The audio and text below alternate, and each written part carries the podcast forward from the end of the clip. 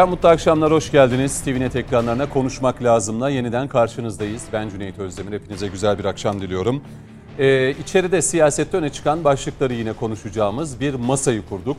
İki daimi konuğumuz var ve aramıza bu akşam bizlerle ilk kez katılacak olan konuklarımız var. Konuklarımı hemen takdim etmek istiyorum. Yeni Şafak gazetesi yazarı, aynı zamanda Demokrasi ve Birlik Derneği Başkanı, Genel Başkanı Sayın Mehmet Metiner bizlerle beraber. Mehmet Bey hoş geldiniz. Hoş bulduk. Yayınlar. Güvenlik ve terör uzmanı Coşkun Başbu yine daimi konuklarımızdan. Hoş geldiniz Coşkun Bey. Hoş bulduk, iyi akşamlar. İki siyasi partinin genel başkan yardımcıları bizlerle beraber. Vatan Partisi Genel Başkan Yardımcısı Sayın Utku Reyhan eşlik edecek bu akşam bizlere. Utku Bey siz de hoş geldiniz. Hoş bulduk, iyi yayınlar. Teşekkür ediyorum ve Türkiye Değişim Partisi Genel Başkan Yardımcısı kendisi aynı zamanda hukukçu Muzaffer Nerse. Muzaffer Bey hoş geldiniz siz. Hoş bulduk, yayınlar. Teşekkür ediyorum. Şimdi değerli izleyenler, e, içeride yaşananları konuşacağız. Konuşmak lazım da ağırlıklı olarak siyaseti konuşuyoruz.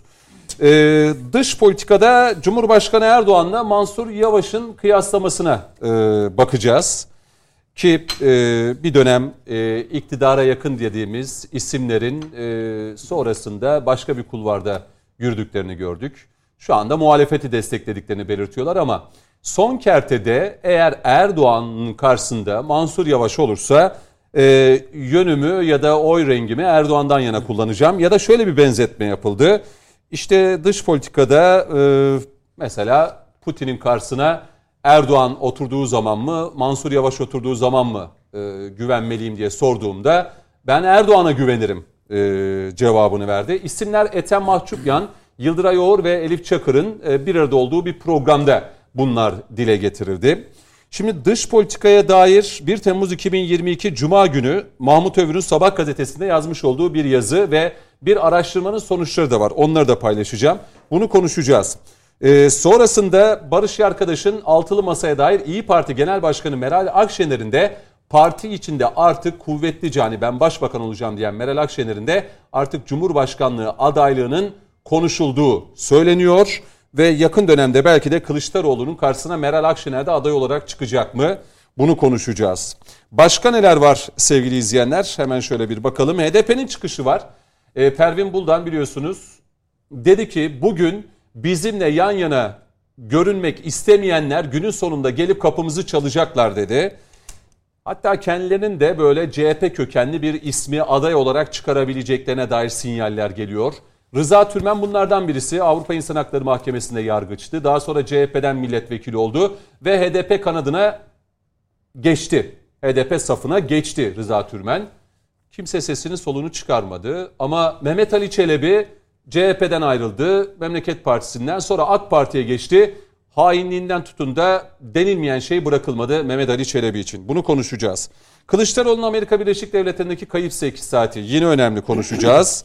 Ee, İyi Parti'nin de bir ABD turu var ve dezenformasyon yasasında 29. madde çok tartışıldı. Cumhuriyet Halk Partisi bunu Anayasa Mahkemesi'ne taşıdı. O 29. maddeye neden muhalefet bu kadar itiraz ediyor? Anayasa Mahkemesi'nden bu döner mi? Bunları da konuşacağız. Şimdi o zaman ilk olarak gelelim Erdoğan ve Mansur Yavaş yani Cumhurbaşkanı Erdoğan'la Mansur Yavaş'ın kıyaslama konusuna. Ee, Mahmut Övür'ün yazısından birkaç hatırlatmada bulunacağım. Mehmet Metiner size e, ilk sözü vereceğim. E, ee, 1 Temmuz 2022 Cuma günü yayınlanmış olan e, yazısında e, Mahmut Övür şunu söylüyor. Peki sabah akşam Türkiye'nin dış politikasını eleştiren onca ülke lideri daha Türkiye'deyken Türkiye çok yalnız kaldı diye açıklama yapan CHP Genel Başkanı Kılıçdaroğlu ve daha NATO toplantısı sürerken kürsüye çıkıp Türkiye taviz verdi diyen ittifak ortağı Meral Akşener'in durumu ne? Halk nasıl bir not veriyor? Tablo gerçekten çok vahim. Araştırmada halka sorulan soru şu. Türk dış politikasını en iyi şekilde hangi lider temsil edebilir diye soruluyor. İlk sırada %54.81 ile Recep Tayyip Erdoğan. İkinci sırada %20 ile Mansur Yavaş. Üçüncü sırada Ekrem İmamoğlu %10. Kemal Kılıçdaroğlu %6. Ümit Özdağ %5. Meral Akşener %2.51. Başkan Erdoğan'a duyulan güven iki belediye başkanına dahil muhalefetin toplamından çok daha fazla diyor. Sadece bu rakamları vermek istedim. Temmuz ayı itibariyle Türkiye'nin de dış politikada en e, sıkışık olduğu, trafiğin en sıkışık, ol, e, sıkışık olduğu dönemde. E, bunu da hatırlattıktan sonra şimdi Mansur Yavaş'ı neden Erdoğan'ın karşısına çıkarma ve mukayese etme derdine girişti muhalefet? Rakamlar ortada. yapılan anket ortada, vatandaşa sorulan ve verilen cevap da ortadayken neden Yavaş'ı, Mansur Yavaş'ı Erdoğan'ın karşısında e, rakip olarak gösterme e, derdine girmiş durumda muhalefet? Ya Türkiye'de bir muhalefet olduğunu kabul ediyorsunuz yani. Eninde sonunda bir muhalefet var. İyi. Çok şükür. Varmış demek ki. Bir de Mansur Yavaş gibi bir siyasi figür çıktı. Enteresan. Ben e, Mansur Yavaş'la Erdoğan'ın kıyaslandığı bir e, şey içinde de bulunmak istemem yani. Mansur Yavaş kendi dengin, denginden biriyle kıyaslanabilir ama Recep Tayyip Erdoğan'la kıyaslanabilecek bir siyasi figür değil. Yani belediye başkanlarıyla bir e, tecrübeli lideri aynı kefeye koymak. Mesela ben ben e, dün Balıkesir'deydim. Balıkesir Büyükşehir Belediye Başkanımızı dinledim. Ve aynı zamanda izledim. Hı hı. Yani bin tane Mansur Yavaş'ı Büyükşehir Belediye Başkanımızla dahi mukayese etmem yani. Yani o entelektüel birikim, o müktesebat, o halkla ilişkiler, o konuşma tarzındaki asalet, herkesi kucaklayan bir dil. Ama tabii yani bazı insanlar çok fazla şova meraklı olduğu için, bazı e, çevrelerin e, çevreler tarafından çok fazla öne çıkartıldığı için nedense biz onları e, farklı görebiliyoruz. Yani Mansur Yavaş'la Erdoğan'ı mukayese etmek yani olacak siz şey biliyorsunuz değil. değil mi? Ethem Mahçup. Ya ben şahsen- Onu izlediniz mi? Dinlediniz mi yani o videoyu? Balıkesir tabii izledim ben. Balıkesir Büyükşehir Belediye Başkanımızla e, bile e, e, Mansur Yavaş'ın kıyaslanmasını istemem. Çünkü hizmet noktasında da kıyaslamam yani. Ya Mansur Bey'in Ankara'da yapıp ettikleriyle Balıkesir'deki Büyükşehir Belediye Başkanımızın yapıp ettiklerini 3 yıl içinde yapıp ettiklerini mukayese ediniz bakalım. Baş, kimin başarı öyküsü var ya? Ekrem Bey'in Beylikdüzü Belediye Başkanı iken yapıp ettikleriyle Esenler Belediye Başkanımız Tevfik Göks- Göksu'nun yaptığını veyahut da Şile Belediye Başkanımız İlhan Ocaklı kardeşimin yapıp ettiklerini Pendik Belediye Başkanımızın 3 yıl içinde Büyükşehir Belediye Başkanı ile ilçe belediye başkanlarımızın yapıp ettiklerini. Kayseri Büyükşehir Belediye'miz demiyorum bakınız. Konya Büyükşehir Belediye'miz demiyorum. Çünkü onlarla zaten yarışamaz Ekrem Bey de Mansur Bey de. Başarı bunun neresinde? Yani e, karizma desen karizma yok. Zaman muhalefet bir namız mı? Mesela Ekrem İmamoğlu artık anketlerde de pek çok yerde ismi geçilmiyor, üstü çizildi deniliyor. Hadi bir de bir Mansur Yavaş'a bakalım. Acaba e, nabız nabzı yoklarken bu burada bir Yani Mansur Bey gücenmesin. Yani onu tahfif ettiğim, küçülttüğüm anlamında bu sözlerimi değerlendirmesin. O da kendi zaten şeyinin farkında.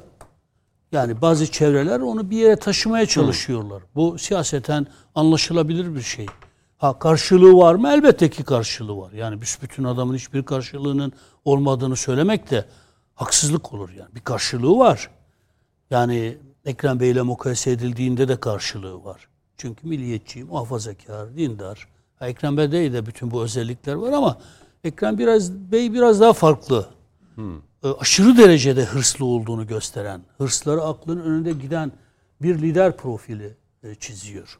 Yani evet her siyasetçide hırs vardır. Her siyasetçi iktidar sahibi olmak ister ama Ekrem Bey bunu çok fazla belli ediyor. Mesela Mansur Bey bunu hiç belli etmiyor.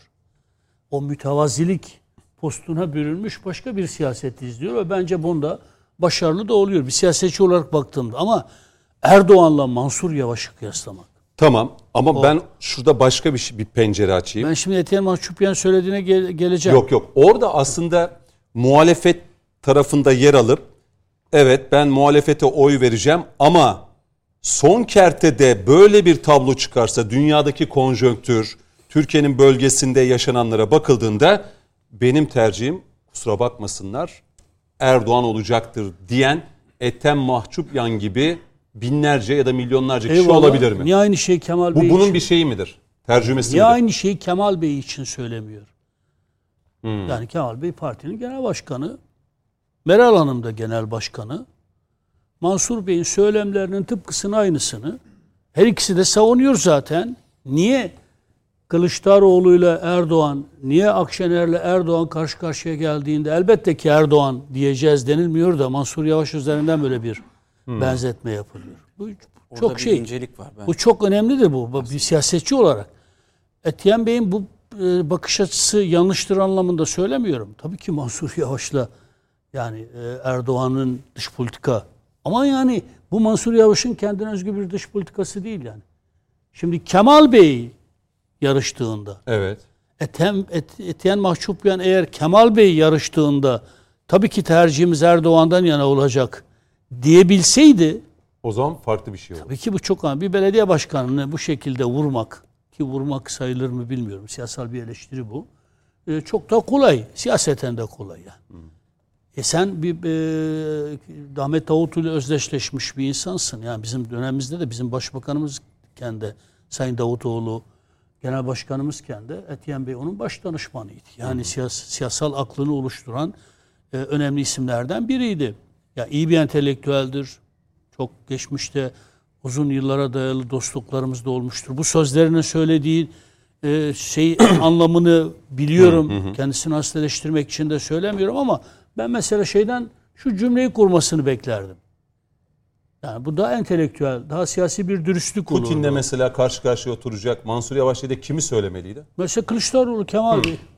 Kılıçdaroğlu'na mı güvenirsiniz yoksa Erdoğan'a mı güvenirsiniz? Mesela bu Putin'in soruya karşısında? vereceği her cevabı çok anlamlı ve değerli bulurum.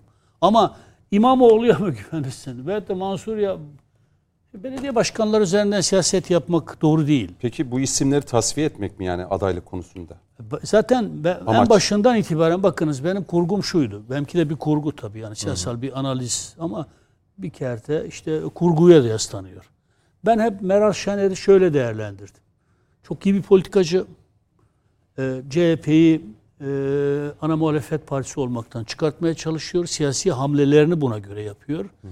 Fedakarlık, feragat örneği gösterdiğini, e, şey e, sahibi olduğunu göstermek için ben Cumhurbaşkanlığında yokum dedi. Çünkü biliyordu ki CHP kendi içinde zaten birbirini yiyecek. Martko da başladı.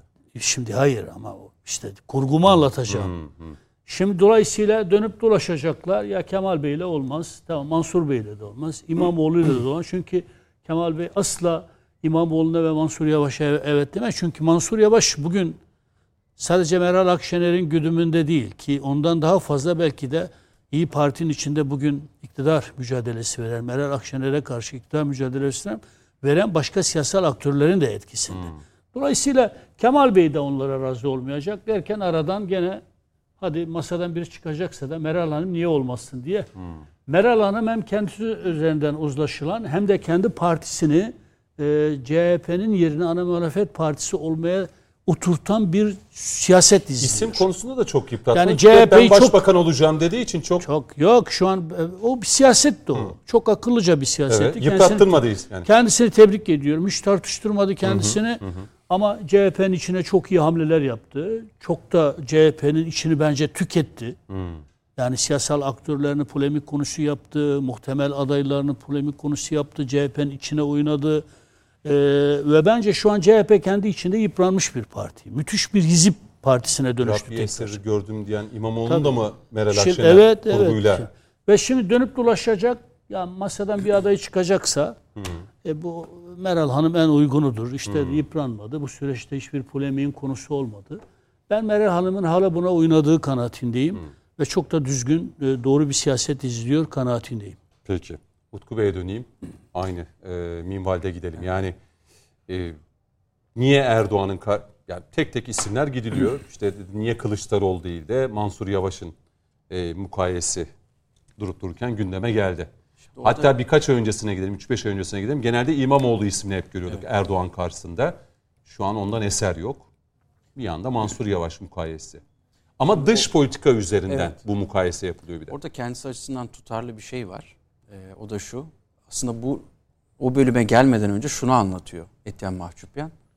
Mansur Yavaş'ın e, Erdoğan'dan bir farkı olmadığını. Çünkü işte devlet, milliyetçilik, işte e, bu statikonun kişisi olması falan gibi e, söylemlerden sonra hatta şöyle ifade ediyor. E, madem hiçbir şey değişmeyecek, Heh. yani Erdoğan'la Mansur Yavaş arasında bir fark yok siyasi bakış olarak. Madem hiçbir şey değişmeyecek o halde ben Erdoğan'ı tercih ederim. Yani Putin'le e, hangisi oturursa Türkiye için daha iyi olur. Erdoğan oturursa daha iyi olur. Aslında hani neden Kılıçdaroğlu işte ya da diğerleri değil Akşener de değildi. Evet. e, Mansur Yavaş'ı söylüyor. Çünkü Mansur Yavaş'ın belli ki o aday olmasını istemiyor. Çünkü Mansur Yavaş'ı şeyin e, hani müesses nizamın, işte devletçi aklın bir uzantısı olarak görüyor. O açıdan bir liberal olarak kendi ve batıcı bir liberal olarak kendisi açısından tutarlı. Fakat şeyde yanılıyor. Mansur Yavaş öyle biri değil. Yani Mansur Yavaş onun söylediği gibi böyle işte milliyetçi, Türkiye'nin milli konularında hassas falan biri değil.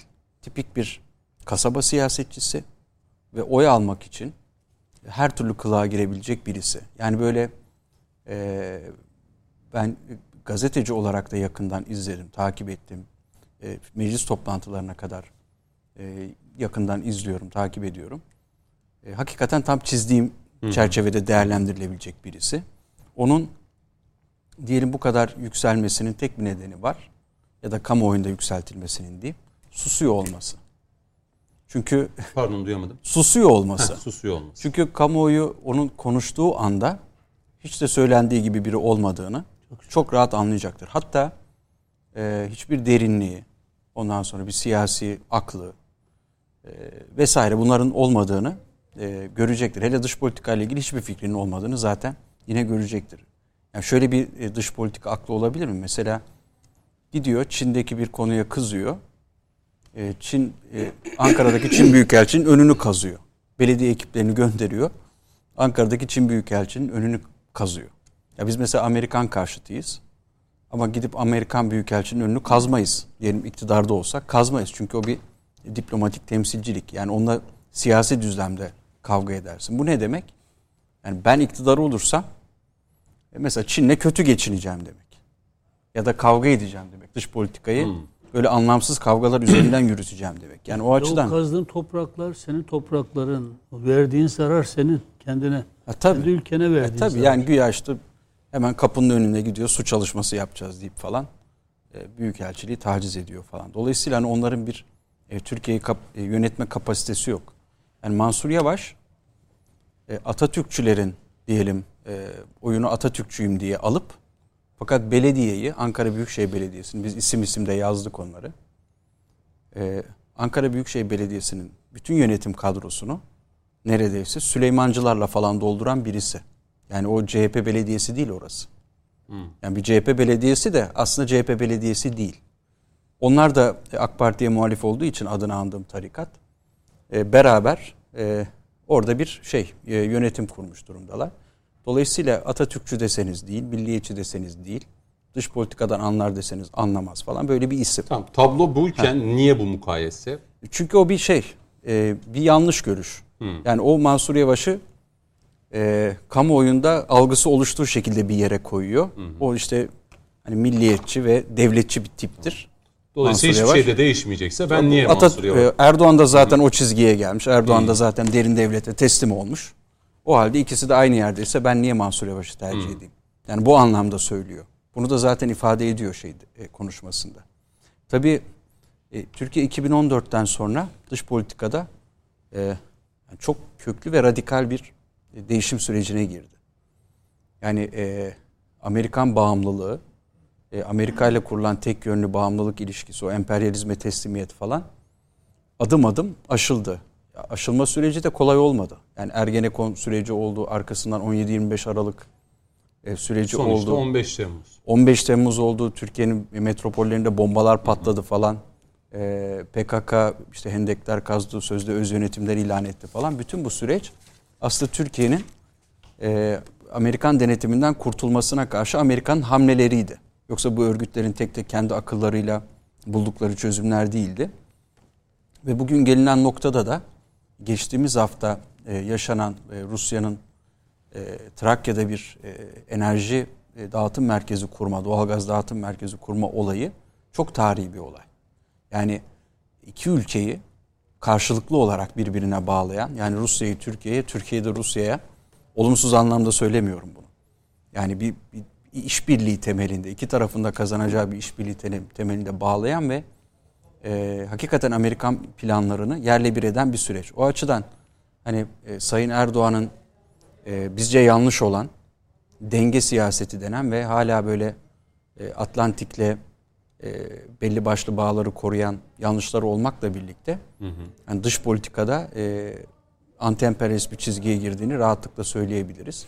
Ama bir yandan da bakıyorsunuz e, haberiniz bile olmadı belki yarın e, aydınlıkta çıkacak. Türkiye Odalar ve Borsalar Birliği'nde dün bir toplantı yapılıyor Ankara'daki ikiz kulelerinde.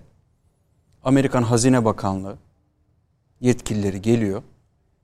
Odalar Borsalar Birliği'nin ev sahipliğinde Amerikan Büyükelçisi de orada.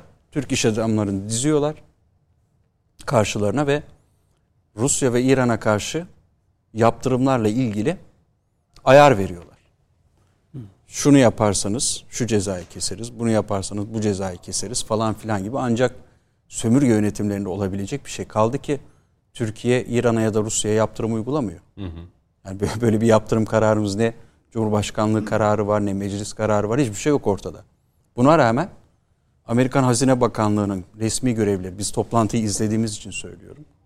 Geliyorlar ve e, Türk iş insanlarına e, ayar verebiliyorlar. Yani bir, bir açıda bir yandan da hala o eski sistemin kalıntıları hmm. sürüyor. Yani biz bu sistemin tamamen dışına çıkmayı vaat ediyoruz. O açıdan kendimizi AK Parti'nin önünde ilerisinde görüyoruz ama e, tabii yani Erdoğan, Sayın Erdoğan'la e, Mansur Yavaş'ın ya da diğerlerinin kıyaslanacak bir yanı yok. Çünkü Sayın Erdoğan e, milli tarafta. Yani diğerleri ise e, Washington turlarına da başladıklarını Oraya biraz düşünürsek yani evet. o seçim öncesi bir Türk Hı-hı. sporudur o. Türk siyasetinde öyle bir spor vardır Washington ziyareti diye. E, onların yönünün nere olduğu da belli. Peki. O zaman şu soruyu Coşkun Başbuğ size sorayım. Yani dünya alt üst olmuşken ki hala da neyin nerede olacağı, nerede patlak vereceği, nerede bir kargaşa, nerede bir savaş çıkacağı e, muammayken e, dış politikada güven vermeyen siyasi aktörlere e, millet, halk ülkeyi teslim eder mi, anahtarı verir mi? Aslında mesela burada e, Temmuz ayında yapılan ankette Sayın Erdoğan %54-81 çıkıyor. Mansur Yavaş, Ekrem İmamoğlu, Kemal Kılıçdaroğlu, Ümit Özdağ, Meral Akşener hepsi bir araya geldiğinde 20, 30, 36, 41, 43. Şimdi şöyle e, zaman zaman dillendiriyoruz. Diyoruz ki e, Türk dış politikası Atatürk döneminden sonraki en başarılı süreci yaşıyor. Bugün Le Figaro'yu hatırla attığı başlıkları. Yani Türkiye'nin temasa geçtiği devletler, kurduğu ilişkiler, dünya siyasetinde de merkez konuma gelmesi durduk yerde olmuyor. Yani Türk dışişlerinin ve temsil ettiği heyetin başarısı olarak adlandırılmalı. Şunu sorayım mı? Türkiye'nin iç meseleleri var. Öyle ya da böyle çözülür bunlar. Ama dış politika gerçekten e, ehliyeti, e, deneyimi, tecrübesi olan isme mi verilmeli? Yani şu an iç meselelerden daha öncelikli konuğumuz dış politikada yaşananlar mı? Muhalefet hariç evet. Yani bugün sokağa çık, hı hı. mikrofonu uzat. E, Libya dahil hep halkın %90'lara varan desteği var dış politikayla ilgili. Hı hı. Mesela taban akıllı muhalefet ediyor. Tabandan kastım işte o muhtelif 7 partinin taban kesimi. Şu şu şu şu olabilir hata eleştirilir ama diyorlar virgülü koyuyor. Dış politikada yaşanan, yapılan her şeyi destekliyoruz diyorlar. Doğrusu yapılıyor diyorlar. Neden? Çünkü gerçekten olması gerektiği gibi hareket ediyoruz. Putin de mesela Erdoğan'ın kazanmasını ister mi? Şöyle e, zaten bunun tartışması yapıldı birkaç gün öncesinde. Yani Mengü müydü? Tabii de AK Parti il başkanı gibi He, bir davranıyor diye Putin'i kılığında bir kişi evet. var. İşte Putin AK Parti'ye çalışan bir hı hı. E, il siyasi, başkanı gibi. il başkanı gibi diye akla zarar bir cümle kurdu. Şimdi o kişiye ve sana şu soruyu sorayım. Dünyada bugün bana hı. üç tane isim say. Dünyanın kabul ettiği lider. Ki bak dünyanın şu an yaşadığı en büyük sıkıntı lider sorunu. Scholz, Almanya, lokomotif, Avrupa'nın Amerika'sı diyoruz. Hı hı. Adı Almanya bahsi geçerse akla geliyor. Macron bunca hokkabazlığa rağmen işte ara ara Ermenistan, Dünyada Fransa. bir Erdoğan markası var yani biz Erdoğan ha. diyoruz. Erdogan. Yani Türkiye dediğin zaman Erdogan diyorlar. Erdogan. Ya ben bunu bizzat Hı-hı. yaşadım. Bangladeş'e gittim. Hı-hı. Türkiye deyince Evet evet Erdogan. Erdogan Direkt. diyor. Evet. Şimdi bunlar durduk yerde olmuyor. Hadi içeride muhalefet öyle diyor ya bir takım kesimler. Bir algıdır aldı gidiyor işte aslında e, gerçek bu değil gibi göstermeye çalışıyorlar. Dışarıya ne diyeceksin? Bugün Afrika'ya git. Türkiye e, devletinin o şanlı şerefli bayrağıyla birlikte Sayın Cumhurbaşkanı'nın posterleri dalgalanıyor. Biri mi dürtüyor? Para mı veriyorsun? Yok. tabandan işten gelen bir sevgi. Orta Asya'ya git aynı. Ya onu da geç. Putin diyor ya. Çözerse Erdoğan çözer diyor. İşte şu son yaşananlar. Tahıl. Hatta şu an e, belki bizim bilmediğimiz hani Putin'le Sayın Erdoğan arasında bir takım görüşmeler var. Avrupa kabul ediyor. Ve Ya dikkat et siyasi Sayın Cumhurbaşkanı da bugün grup toplantısında şunu söyledi. Sayın Putin'in dedi bir değerlendirmesi oldu. Hani biz de bunu değerlen hani öyle bir şey oluştu ki yani Türkiye doğalgazın merkezi olacak. Avrupa'ya da dedi ki açık açık bundan sonra muhatabınız Türkiye. Şimdi bunu Putin belki Erdoğan'la elbette kendi aralarında konuştular ama öyle bir açıkladı ki eee, hani bu tür şeyler karşılıklı konuşulur ondan sonra. Sayın Cumhurbaşkanı'na bakacağız, değerlendireceğiz. Biz de ona göre altyapı neyse işte bir hap oluşturacağız dedi.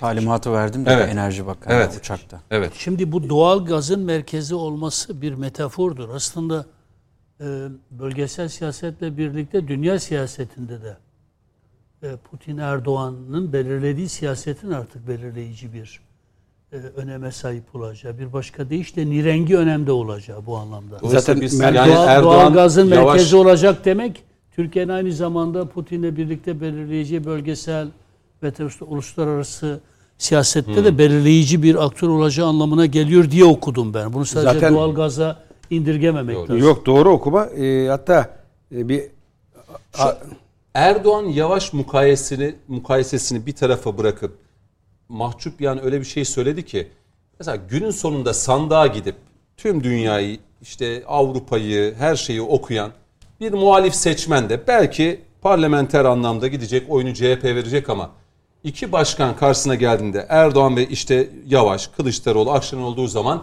sanki mahcup yan onu söylüyor. şimdi Günün sonunda yine Erdoğan'a oy verecek acaba bu seçmen seçmenlerin bir dili mi oldu acaba? Şöyle Üç- üç e, ben e, o zaten malum sonuç. Yani bugün siyaseten bir öngörüde bulun de. Zaten Cumhurbaşkanlığı seçiminde e, Cumhurbaşkanımızın yanına yanaşacak herhangi bir eşidi aday yok. Ya bir de gelecek partili arkadaşlarımız tepe ne derse desin Heh. son kertede iş o noktaya geldi mi Erdoğan'dan vazgeçmez. İşte tabanı zaten ben hep ayırıyorum siyasilerden. o arkadaşlara Ama selamlar. CHP'de de bu şey olabilir yok mi? Şimdi şöyle. O kadar da kıblesini şaşırmış durumda değil arkadaşlar. Yok yok taban sağlıklı düşünüyoruz. Geleceğin Sağduyulu. tabanı son kertede e, Erdoğan'dan yana tercihini koyar. Şimdi ben mahcup yanın e, ya söylemini bir psikolojik harpçı olarak e, bir eş e, tutma, eşitleme yöntemi olarak görüyorum. Şimdi Sayın Erdoğan bugün marka dediğin doğru. Dünyanın kabul ettiği bir marka. E şimdi e, Mansur Yavaş'ı onunla kıyaslamak aslında Mansur Yavaş'ı alıp tavralara çıkarmak demek. Bakın Ama mahcup yan Mans- onu yapmıyor. Hayır onu yapıyor. Onu söylemekle aslında denk tutuyor, eşit tutuyor. E, Onu e, kıyaslamak bile abes. Şu cümle doğru cümle. Ya Mansur Yavaş nere? Sayın Erdoğan nere? Bakın Abdullah Gül'e sordular. Adaylığı koyacak mısınız diye. Benim hep öne sürdüğüm bir isimdir. Elbette dedi. E, taban dedi size dedi oy verir vermez işte Mansur Yavaş diyorlar. Beypazarı Belediye Başkanlığı Cumhurbaşkanı için bir ölçü olamaz dedi. Açık açık söyledi. İki aynı kanattalar. E şimdi Mansur Yavaş, Utku Bey çok doğru bir yere temas etti. E, liderlik vasfı yok. Hiç gördün mü meydanlarda konuşurken? dedi. Hiç Yok. hitabet gördün mü? Susmasının bir sebebi de o. Çünkü çıkardıkları an olay bitecek. Kürsüyü teslim edeyim, karşısına bir kitleye de ben toplayayım. 500 bin, 10 bin neyse. Buyurun e, söz sizde deyin. Yok öyle bir hitabet. Yetenek yok. E şimdi ben bunu tutup da Sayın Erdoğan'la kıyaslarsam Cumhurbaşkanı'na hakaret olur. Hani ben zaman zaman derim Yunan askeriyle işte Türk ordusu işte ya yapmayın diyorum. Yani birisi 80 milyonun 3000 yıllık tarihi olan bir ordusu, birisi de çapulcu sürüsü 200 yıllık tarihi bile olmayan bir yapı. Nasıl kıyaslarsınız diyorum haklı olarak. Şimdi aynı kıyası ben bu makamda da yaparım. 20 yıllık 3 tane Amerikan devlet başkanı eskitmiş. 5-6 tane Avrupa'da lideri devirmiş. Ve şu an dünyadaki en tecrübeli isim dediğiniz kişiyi e, Beypazarı Belediye Başkanı'na kıyaslamak abes. Ama e, ısrarla isim öne sürülüyor. Neden? Çünkü hatırlarsan her programda şunu dillendirdik. Dedik ki eğer akıl galip gelecekse muhalefet penceresinden veya Amerika penceresinden baktığında ona e, öne çıkarılacak ismi şu olması lazım. Cumhur İttifakı'ndan milliyetçi muhafazakar kanat, e, kanattan oy devşirecek, oy alabilecek bir isim. E şimdi İmamoğlu tam bir projeydi. Çıktığı ilk gün. Tam bir projeydi. Hoyratça harcadı. Şu an artık yok dediğin doğru. E, bana göre isti ve ismi çizilmiş durumda. E, Mansur Yavaş şu an dillendiriliyor. Niye? Çünkü öyle bir figür sergilendi. Ama Sayın Metin'in de söylediği kurgu çok iyi. Eğer Meral Hanım böyle bir kurgu yaptıysa günün sonunda yani o kurgudan müthiş bir film de çıkar. Ben Sayın Metin'in dediği kurgu. Ra- Rabbi Yesir'den e, Hani ha- Fatih Sultan Mehmet benzetmesinden şimdi İşte Mansur Rabbi- Yavaş'a dönüp Mansur Yavaş'ı da bir mukayeseyle Yıldırım Beyazıt yenilmese yapacak. Hemen Ankara'yı o fethetti. Sen de Ankara'nın ikinci Fatih'sin diyecek ama öyle bir şansı kalmadı. E şimdi Mansur Yavaş'ı mesela ben geçen bir programa katıldım. Mamak Belediye Başkanımız e, kulakları çınlasın. Sordum ha yani bildiğim bir konuyu sordum teyit etmek için. Dedim ki Mansur Yavaş'ta şu an şöyle bir taktik var. Özellikle Milliyetçi Hareket Parti kökenli oradaki birçok kişiye belediyeden ihtiyaç olmadığı halde iş verdiği yönünde aldığım duyumlar var. Bunun da maksadı işte o milliyetçi muhafazakar kesimden oyu devşirmek muhalefet kanadına. Ve şu mantığı yayıyorlar ısrarla. Görüyor musun Mansur Baba'ya bizi sahip çıkıyor. Bak iş buluyoruz, imkan buluyoruz. Ne dedi biliyor musun belediye başkanımız? Bu şekilde 15 bine yakın isim var dedi belediye kadrosuna alınan. o 15 bin bak 1-2 değil. Ankara'da. Bunlar şimdi el altından oynanan oyunlar. Ama aynı e, Mansur Yavaş suya yapılan indirimi Ya o, o, o tartışmaya hiç girmeyelim. Ha. Hani eğer diyor zam mı yapmazsak çalışanların maaşını ödeyemeyeceğiz. 15 diyor bin nasıl izah edeceksin? Bak ben değil Mamak Belediye Başkanımız Ankara'da daha geçen hafta ifade etti. 15 bin liraya koyacaksın. Benim şimdi param yok. Yani koskoca Ankara Büyükşehir Belediyesi suya yapılacak zamla eğer çalışanların maaşını şu an ödeyecek durumdaysa dükkanı kapatmalı.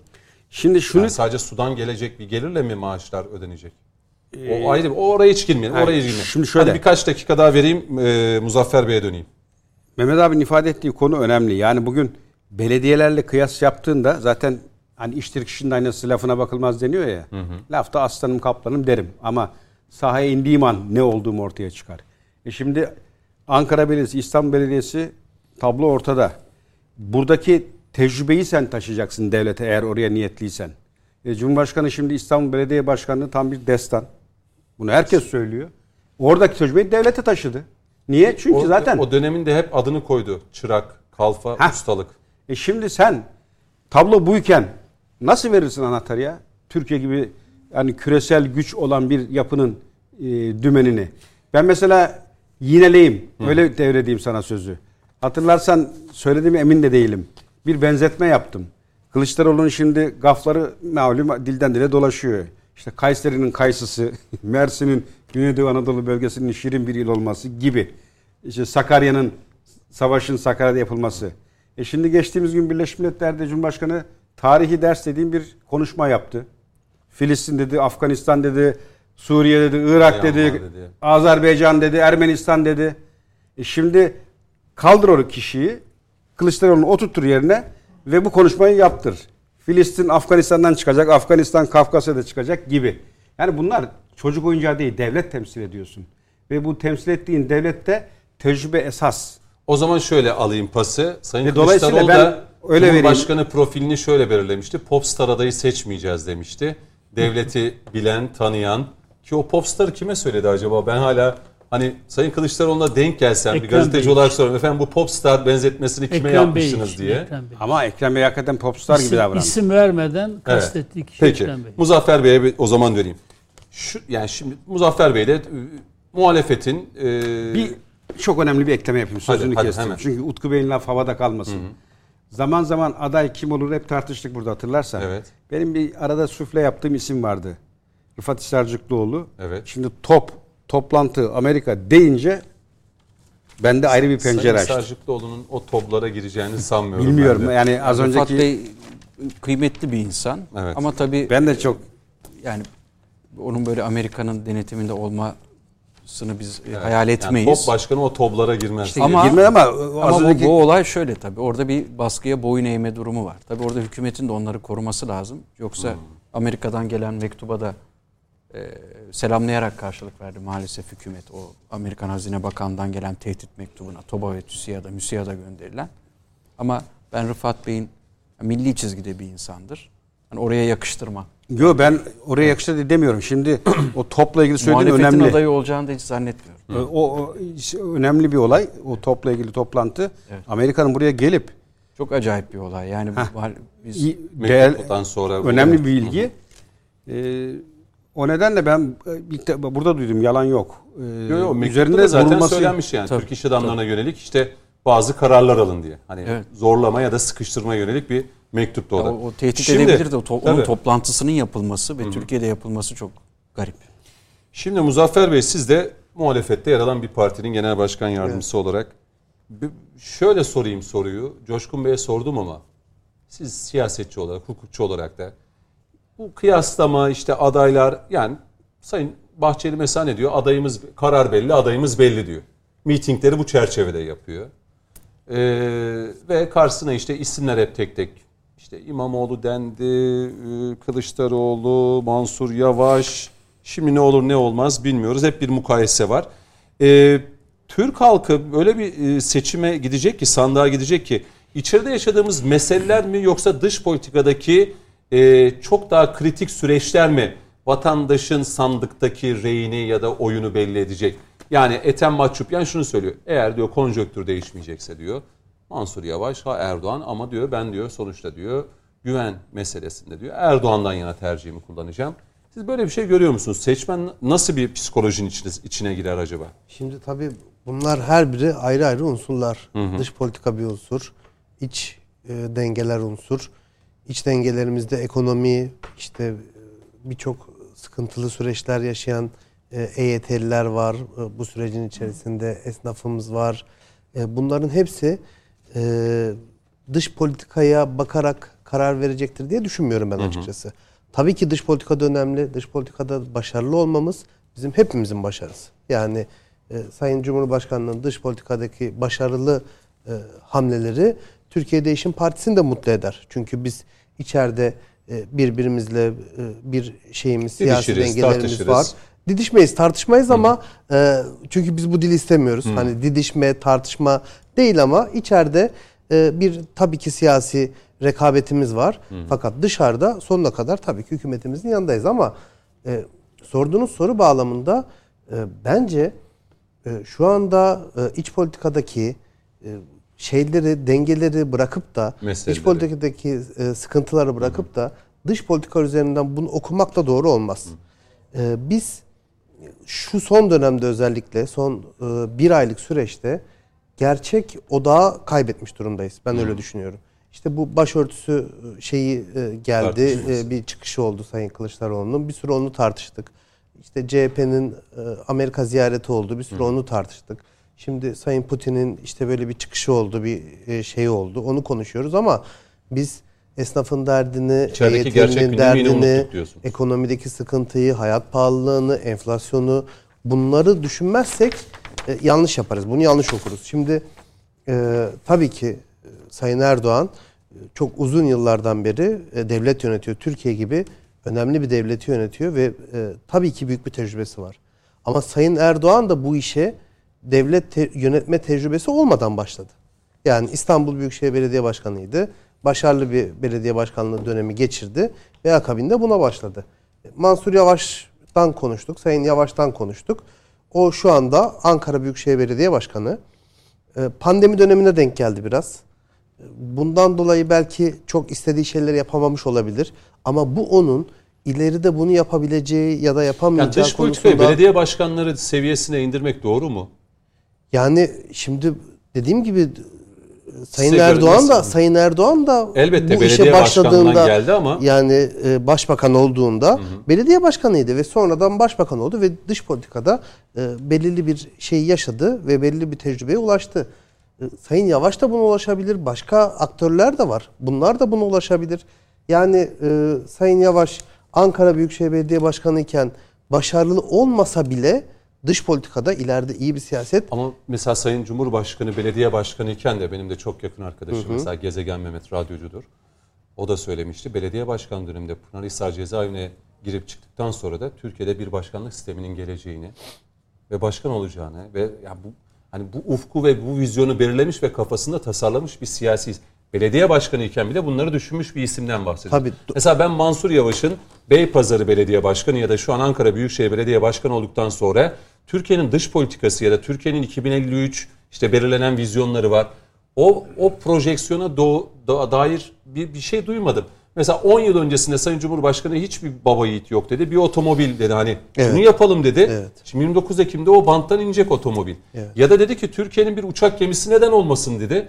Tam uçak gemisi olmasa da İHA ve SİHA'ların yine e, rahatlıkla iniş kalkış yapabilecekleri Anadolu TCG Anadolu gemisi e, suya indirilecek. Yani bunlar bunlar mesela bunları duyamıyoruz. Ekrem İmamoğlu'ndan ben bir şey duyamadım. Hani Sayın Cumhurbaşkanı ile mukayese edilen isimler arasında. Hangisinden duydun? Muhalefet kanalından bir tane isim söyle.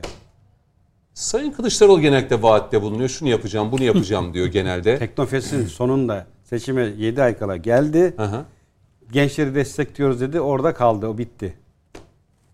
Bu, bu konuda hiçbirinden refleks göremezsin. Ortak bir ağız ve lisan vardır.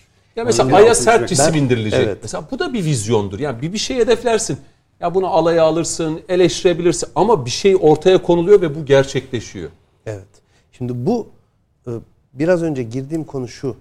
E, Bu Sayın Erdoğan'ın 20 yıllık iktidarının sonunda Tecrübesi. ulaştığı evet. Tabii ki tok gurur duyuyoruz. Tabii ki İHA'larımızda, SİHA'larımızda gurur duyuyoruz.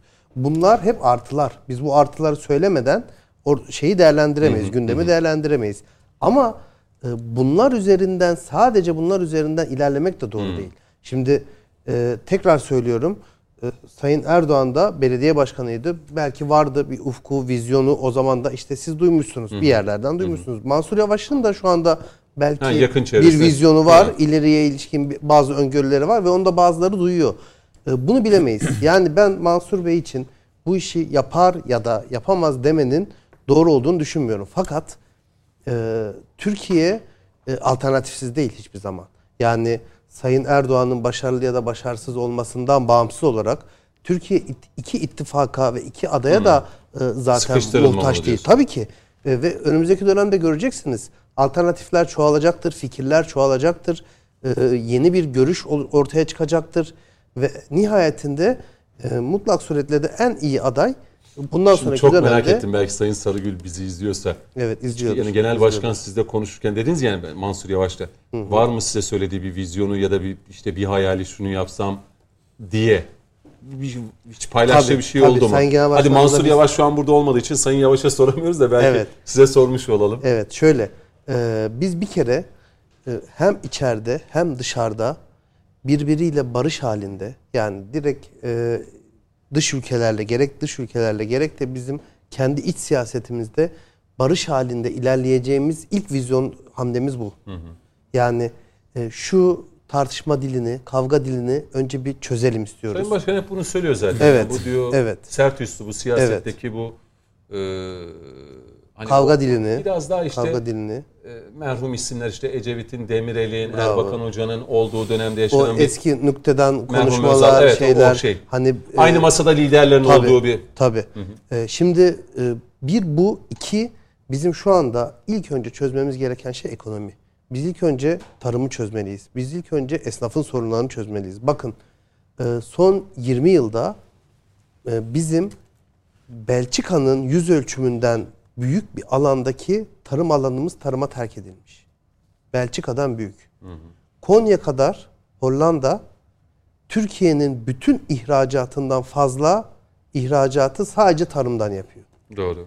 Bizim çiftçimiz işte biz e, birkaç ay önceydi. Sayın Genel Başkanımız da Mersin'de kocaman bir limon bahçesine gittik. Oradaki adam dedi ki ben bunların hepsini keseceğim. Hepsini keseceğim. Başka bir şey söyledi. Bunu ekeceğim. Çünkü benim limonum bunların hepsini atacağım ben dedi. Şimdi e, biz şunu söylüyoruz. Biz e, Dış politika önemli ama içerideki Evet. meseleleri, ekonomik. köprülere, otoyollara, e, işte buradan araç geçecek diye garanti veriyoruz da biz niye kendi çiftçimize e, senin ürününü biz alacağız kardeşim Diye diye, garanti garanti vermiyoruz. vermiyoruz? Biz niye bunları planlamıyoruz? Bunlarla ilgili biz sorunlarımızı hallettikten sonra tabii ki teknolojideki hamleler olağanüstü güzel. Hadi zor bir soru. Çok- Hı hı. evet, bir buyurun. zor soru yönelteyim. Belki Sorun. bir diğer başlığa geçeceğim. Ethem Mahçupyan bunu dile getirdiği için hepimiz gideceğiz sandığa oy kullanacağız. İki aday kaldı diyelim. Genel başkan adayı olur mu, olmaz mı? Bunu göreceğiz ama diyelim ki Erdoğan'ın karşısında Sayın Sarıgül de olmadı başka bir isim kaldığında dış politika pek çok şey düşündüğünüzde Ethem Mahçupyan'ın dile getirdiği e, düşünce içerisinde siz de yer alır mısınız? Şöyle e, adayı görmemiz lazım. E, belki de biz de bir aday çıkaracağız. Hep beraber ona oy vereceğiz. Belki de öyle bir ihtimal de var Evet, değil yine mi? siyasi cevaplar gelmeye başladı. Sayın Genel Başkanımızın Cumhurbaşkanlığı adaylığı gibi düşüncesi yok. Evet. Sayın Genel Başkanımız Ama elbette birinci tur ya da ikinci turda şey olursa bir, bir şey belirlenecek. tabii değil ki mi? tabii ki Kimi bizim de elbette ki bir e, düşünce tarzımız, bir Ama şu an alternatifimiz belirlenmiş olacaktır. bir politikanız Yok. Hayır. Cumhurbaşkanlığı adaylığı ile ilgili şu an belirlenmiş politikamız Yani yok. diyelim Bunun- ki Mansur Yavaş'la demeyelim Kılıçdaroğlu'yla Erdoğan ikinci turda kazara Kalırsa, karşı karşıya evet. kalırsa sizin tercihiniz kimden bunu, yana olur? bunu bunu şu anda söylemek için çok erken. Belki kişisel bir görüş olabilir ama Evet. parti adına da bir Tabii, görüş belirtmek doğru olmaz. söylemek çok erken. Ee, bununla ilgili bizim de çalışmalarımız devam ediyor. Ee, bu ittifaklar kurulmadan önce e, mutlak suretle e, çok değerlendirilmeli, konuşulmalı, fikir birliğine ulaşılmalı. Bununla ilgili Bence çalışmalarımız devam ediyor. netleştirin bence. Netleştirilir ama Bir daha vakit olduğunu düşünüyoruz biz. Çünkü Daha bu siyasette olduğunu- durduğunuz yeri göstermesi bakımından çok önemli bir tercih. Zamanda daralıyor. Görüşmelerimiz devam mesela. ediyor. Ee, inşallah önümüzdeki Peki. dönemde biz de bununla ilgili Şimdi e, bugün Sayın Cumhurbaşkanı Erdoğan grup toplantısında e, çok net bir şekilde Sayın Kılıçdaroğlu'na çağrıda bulundu.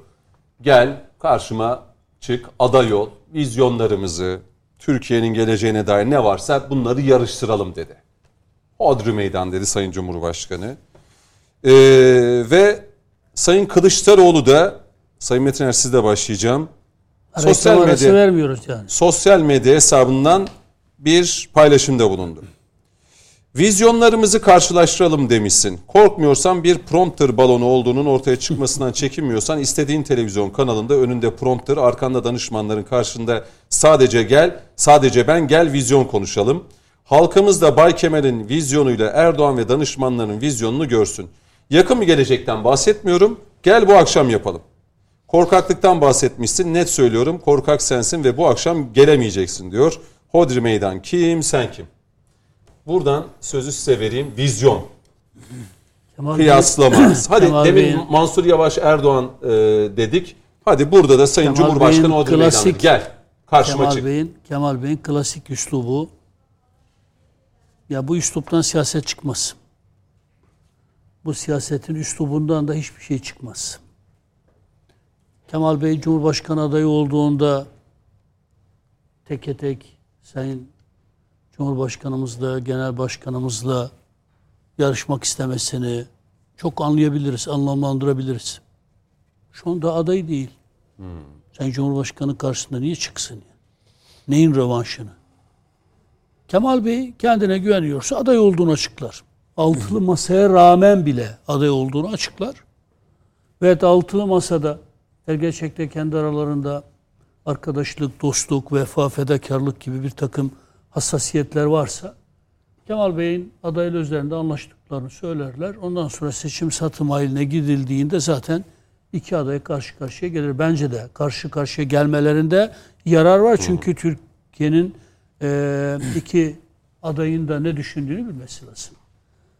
Evet, e, prompterden prom, prompter mi diyorsunuz? Prompter. Prompter. Yani şu işte. bizim bizim de kullandığımız Türkçesi yok. zaman zaman. Türkçesi yok mu bunun? Ya kayan bir yazı var. İşte Tamam. oradan yazılanları okuyoruz. Yani Kemal Bey irticalen konuşmayı çok seviyor olabilir ama işte o, o zaman da işte siz Sakarya'ya gittiğinizde orada bir Sakarya Savaşı yaşandığını söylersiniz. Kağıthaneden Kağıttepe diye söz edersiniz. Bir Cumhurbaşkanı adayına da bu yakışmaz yani.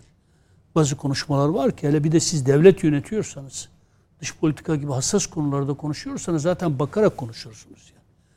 Bu ayıp sanacak bir şey değil ki. Bu eleştirilecek bir şey de değil yani. Bir de Sayın Cumhurbaşkanı mesela sağlıkta yapılan icraatları bahsediyor. Yani hiçbir insan o kadar şeyi akılda tutamaz. Hayır, veri, verileri, bakın, devlet yönetiyorsanız sizin işiniz bir anlamda da konuşma yaparken verilere Doğru. Rakamlar ve veriler önemli. yani e, Adıyaman'ın Kahta ilçesinde bir kahve konuşması yapılmıyor ki.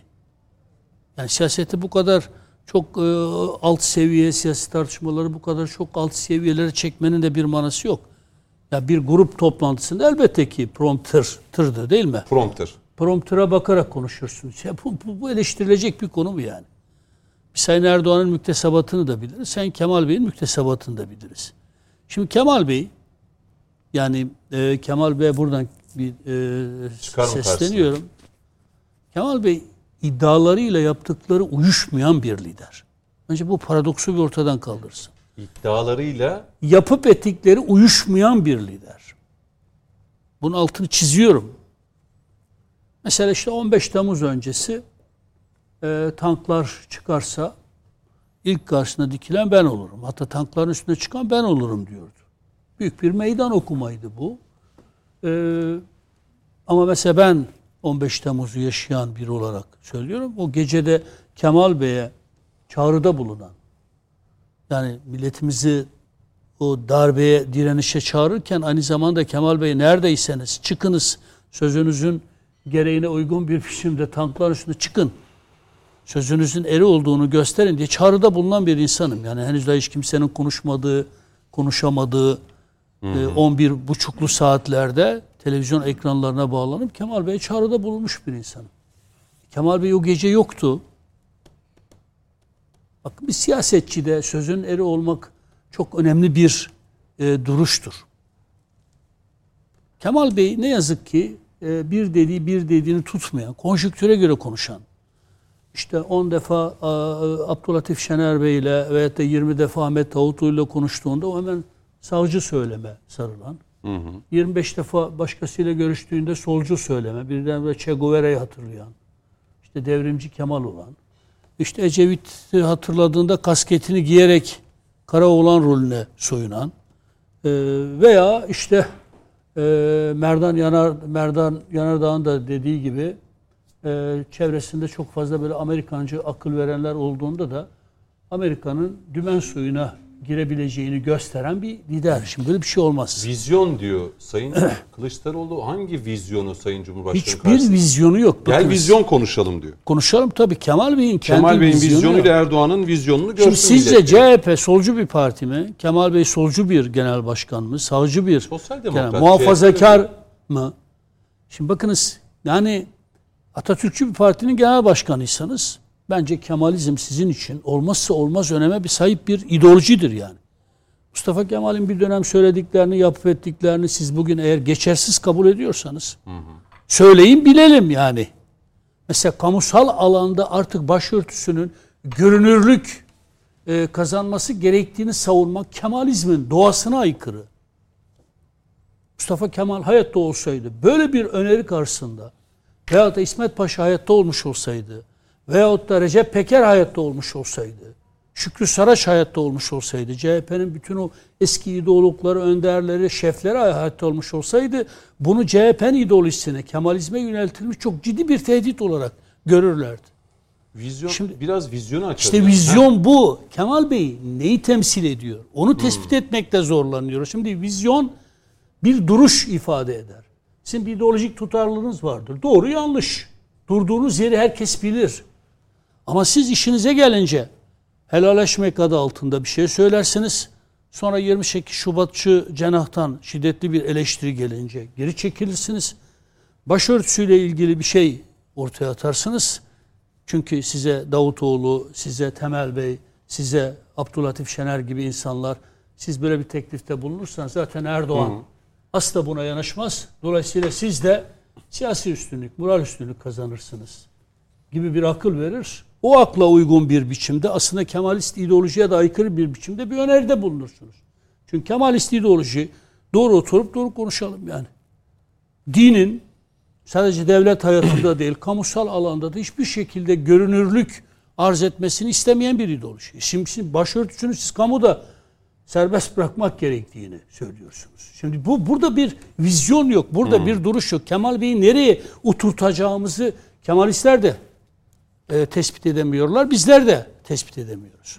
Şimdi mesela işte o Kemalist ideolojiyi, CHP'nin o asıl üzerine oturduğu ideolojiyi temsil eden Önder Savun'dan tutunuz başka insanlara karşı. Bence gerçek CHP'yi onlar ideolojik düzlemde e, misyon olarak da vizyon olarak da temsil ediyorlar. Ben o CHP'yi savunduğum için söylemiyorum. Şu an bir tespitte bulunmak için söylüyorum bunu. Şiddetle ve hiddetle karşı çıktılar. Başörtüsü görünürlük kazanamaz. Çünkü kamusal alanda siz başörtüsünü görünür kılmaya çalıştığınız andan itibaren e, o şeyi CHP'nin üzerine oturmuş olduğu altı okla da tesmiye edilen ideolojiyi tasfiye etmiş oluyorsunuz. Hangi Burada olarak? Kemal Bey sesleniyorum.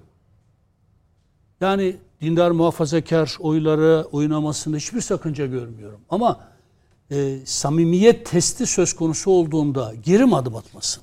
Kemal Bey vizyondan bahsedecekse başörtüsü mü dedi? Tamam.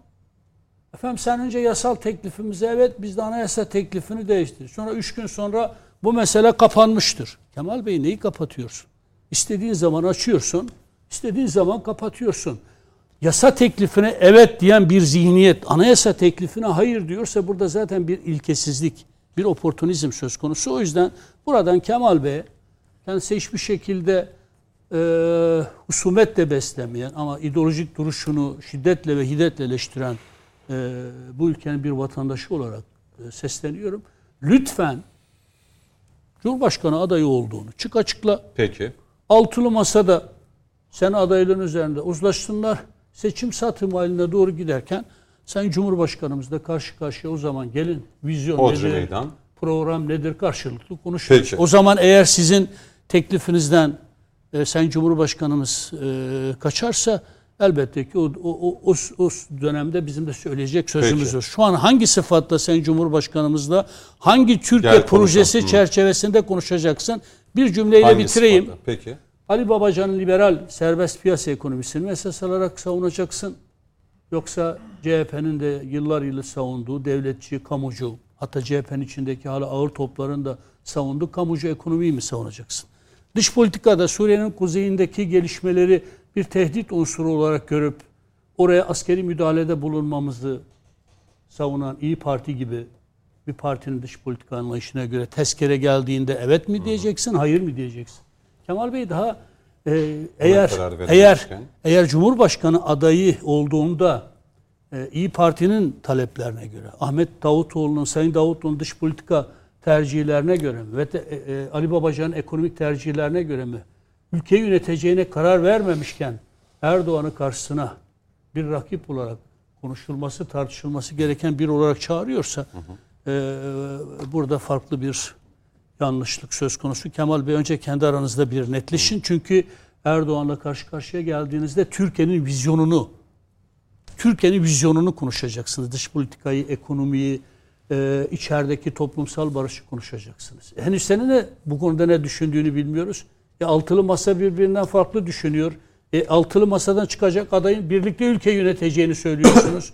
o zaman sormak gerekmez mi? Ali Babacan'ın mantığına göre mi? Siz ekonomiyi yöneteceksiniz. E, sizin mantığınıza göre mi dış politika yöneteceksiniz? Kendi aranızda bir ortaklaşın, bir arada çıkartın. Peki. İnşallah sen aday olursun. Çok temenni ederiz. O zaman eğer sen genel başkanımız, cumhurbaşkanımız karşınıza çıkmaktan çekinirse de bizim de söyleyecek sözümüz olur elbette. 5 dakika e, var reklama. Utku Bey size sözü vereceğim. Dönüşte tekrar devam etmenizi isteyeceğim. Bu arada siz bunları söylerken Saadet Partisi Genel Başkan Yardımcısı Bülent Kaya da diyor ki Hodri Meydan erken seçimdir, gerisi blöf. Yani Sayın Cumhurbaşkanımız AK Parti Ya grup 7-8 ay kalmış Evet, abi ne erken seçim. 7 ay kaldı doğru 7 ay kaldı ama bu erken seçim. E, bunu bir tarafa bırakayım. Ya bunu E, da Saadet Partisi istiyor yani erken seçim. Saadet Partisi'nde de e, şey genel mi? başkanın Yani karşısında Kemal Bey'e bir şey söylüyorsunuz. Kemal Bey'den önce Saadet Partisi cevap veriyor. Allah'ım ya Rabbi. Bir şey değil mi Saadet Partisi şu savunma sanayi Erdoğan sayesinde geri kalıyor Evet, evet. diye. orada da bir genel başkanlık koltuk yarışı da olacak. Belki süremiz yeterse Sayın Metin'e son bölümde soracağım ama e, bu konuyla mı alakalı yoksa şu ABD kayıp 8 saatte mi başlayalım? Reklam dönüşü tekrar. Aslında bağlantılı şeyler. Tamam o zaman şöyle Buradan yapalım. başlayabiliriz. Hodri Meydan çık karşıma gel vizyon konuşalım diyor Sayın Kılıçdaroğlu da Cumhurbaşkanı'na. Ama Sayın Metin'e hangi sıfatla karşısına çıkacak Cumhurbaşkanı'nın diyor. Ve ardından Ya şöyle, şu- reklam dönüşü belki 8 saate girelim. Tamam. Buyurun. Buyurun. Şimdi e, CHP Genel Başkanlığı da bir sıfat. Yani çünkü Sayın Cumhurbaşkanı Cumhurbaşkanı olduğu gibi aynı zamanda AK Parti'nin genel başkanı. Dolayısıyla genel başkanların televizyonlarda birbirleriyle konuşmasının hiçbir sakıncası yok. Mesela biz sürekli hazırız. Yani e, bütün liderlerle bir araya gelmeye. 91 açık oturumu vardır Türkiye'nin. Ama En- sizin altılı masa gibi bir şeyiniz yok. Kemal Bey altılı masanın hassasiyetlerini ortaklaştırmada nasıl çıkıp Şimdi bakın yani? oradaki durum zaten bir garabet. Şundan garabet. Şimdi normalde Kemal Bey'in aday olması lazım. Şimdi bir, bir Cumhur İttifakı var değil mi? MHP'den, işte AK Parti'den, Büyük Birlik'ten oluşuyor. Oranın adayı kim?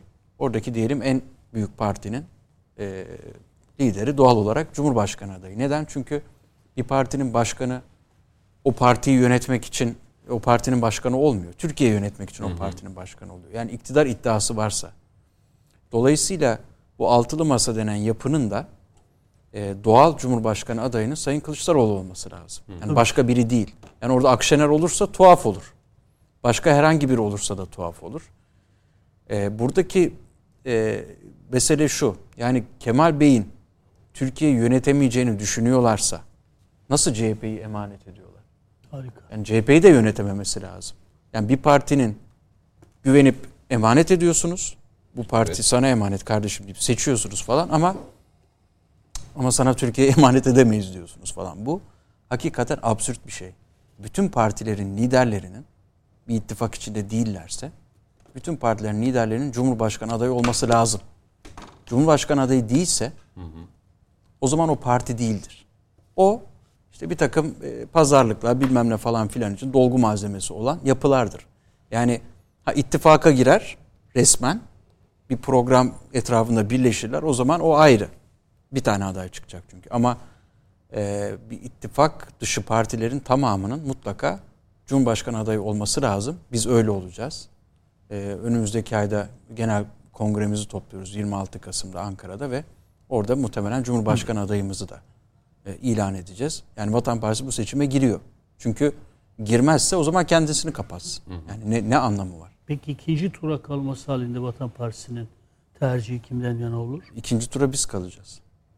Yani bizim aksini aksiyle ilgili bir şey söylememiz e, siz tecrübeli bir siyasetçisiniz. Muzaffer Mümkün Bey de aynı değil. şeyi söyleyince ama velev ki O zaman ben de sayın ben size sorayım. Yani ik- ikinci tura Sayın Perinçek'le Sayın Kılıçdaroğlu kalırsa kime oy vereceksiniz? Tabii ki Perinçek'e. Siz de aynı şeyi söyleyebilir Ama ben şimdi bir partiyi temsil ediyorum. Dolayısıyla o partinin o parti Mehmet abi de temsil ediyor. bu parti bu parti o zaman bir e, organ kararı alır. Hmm.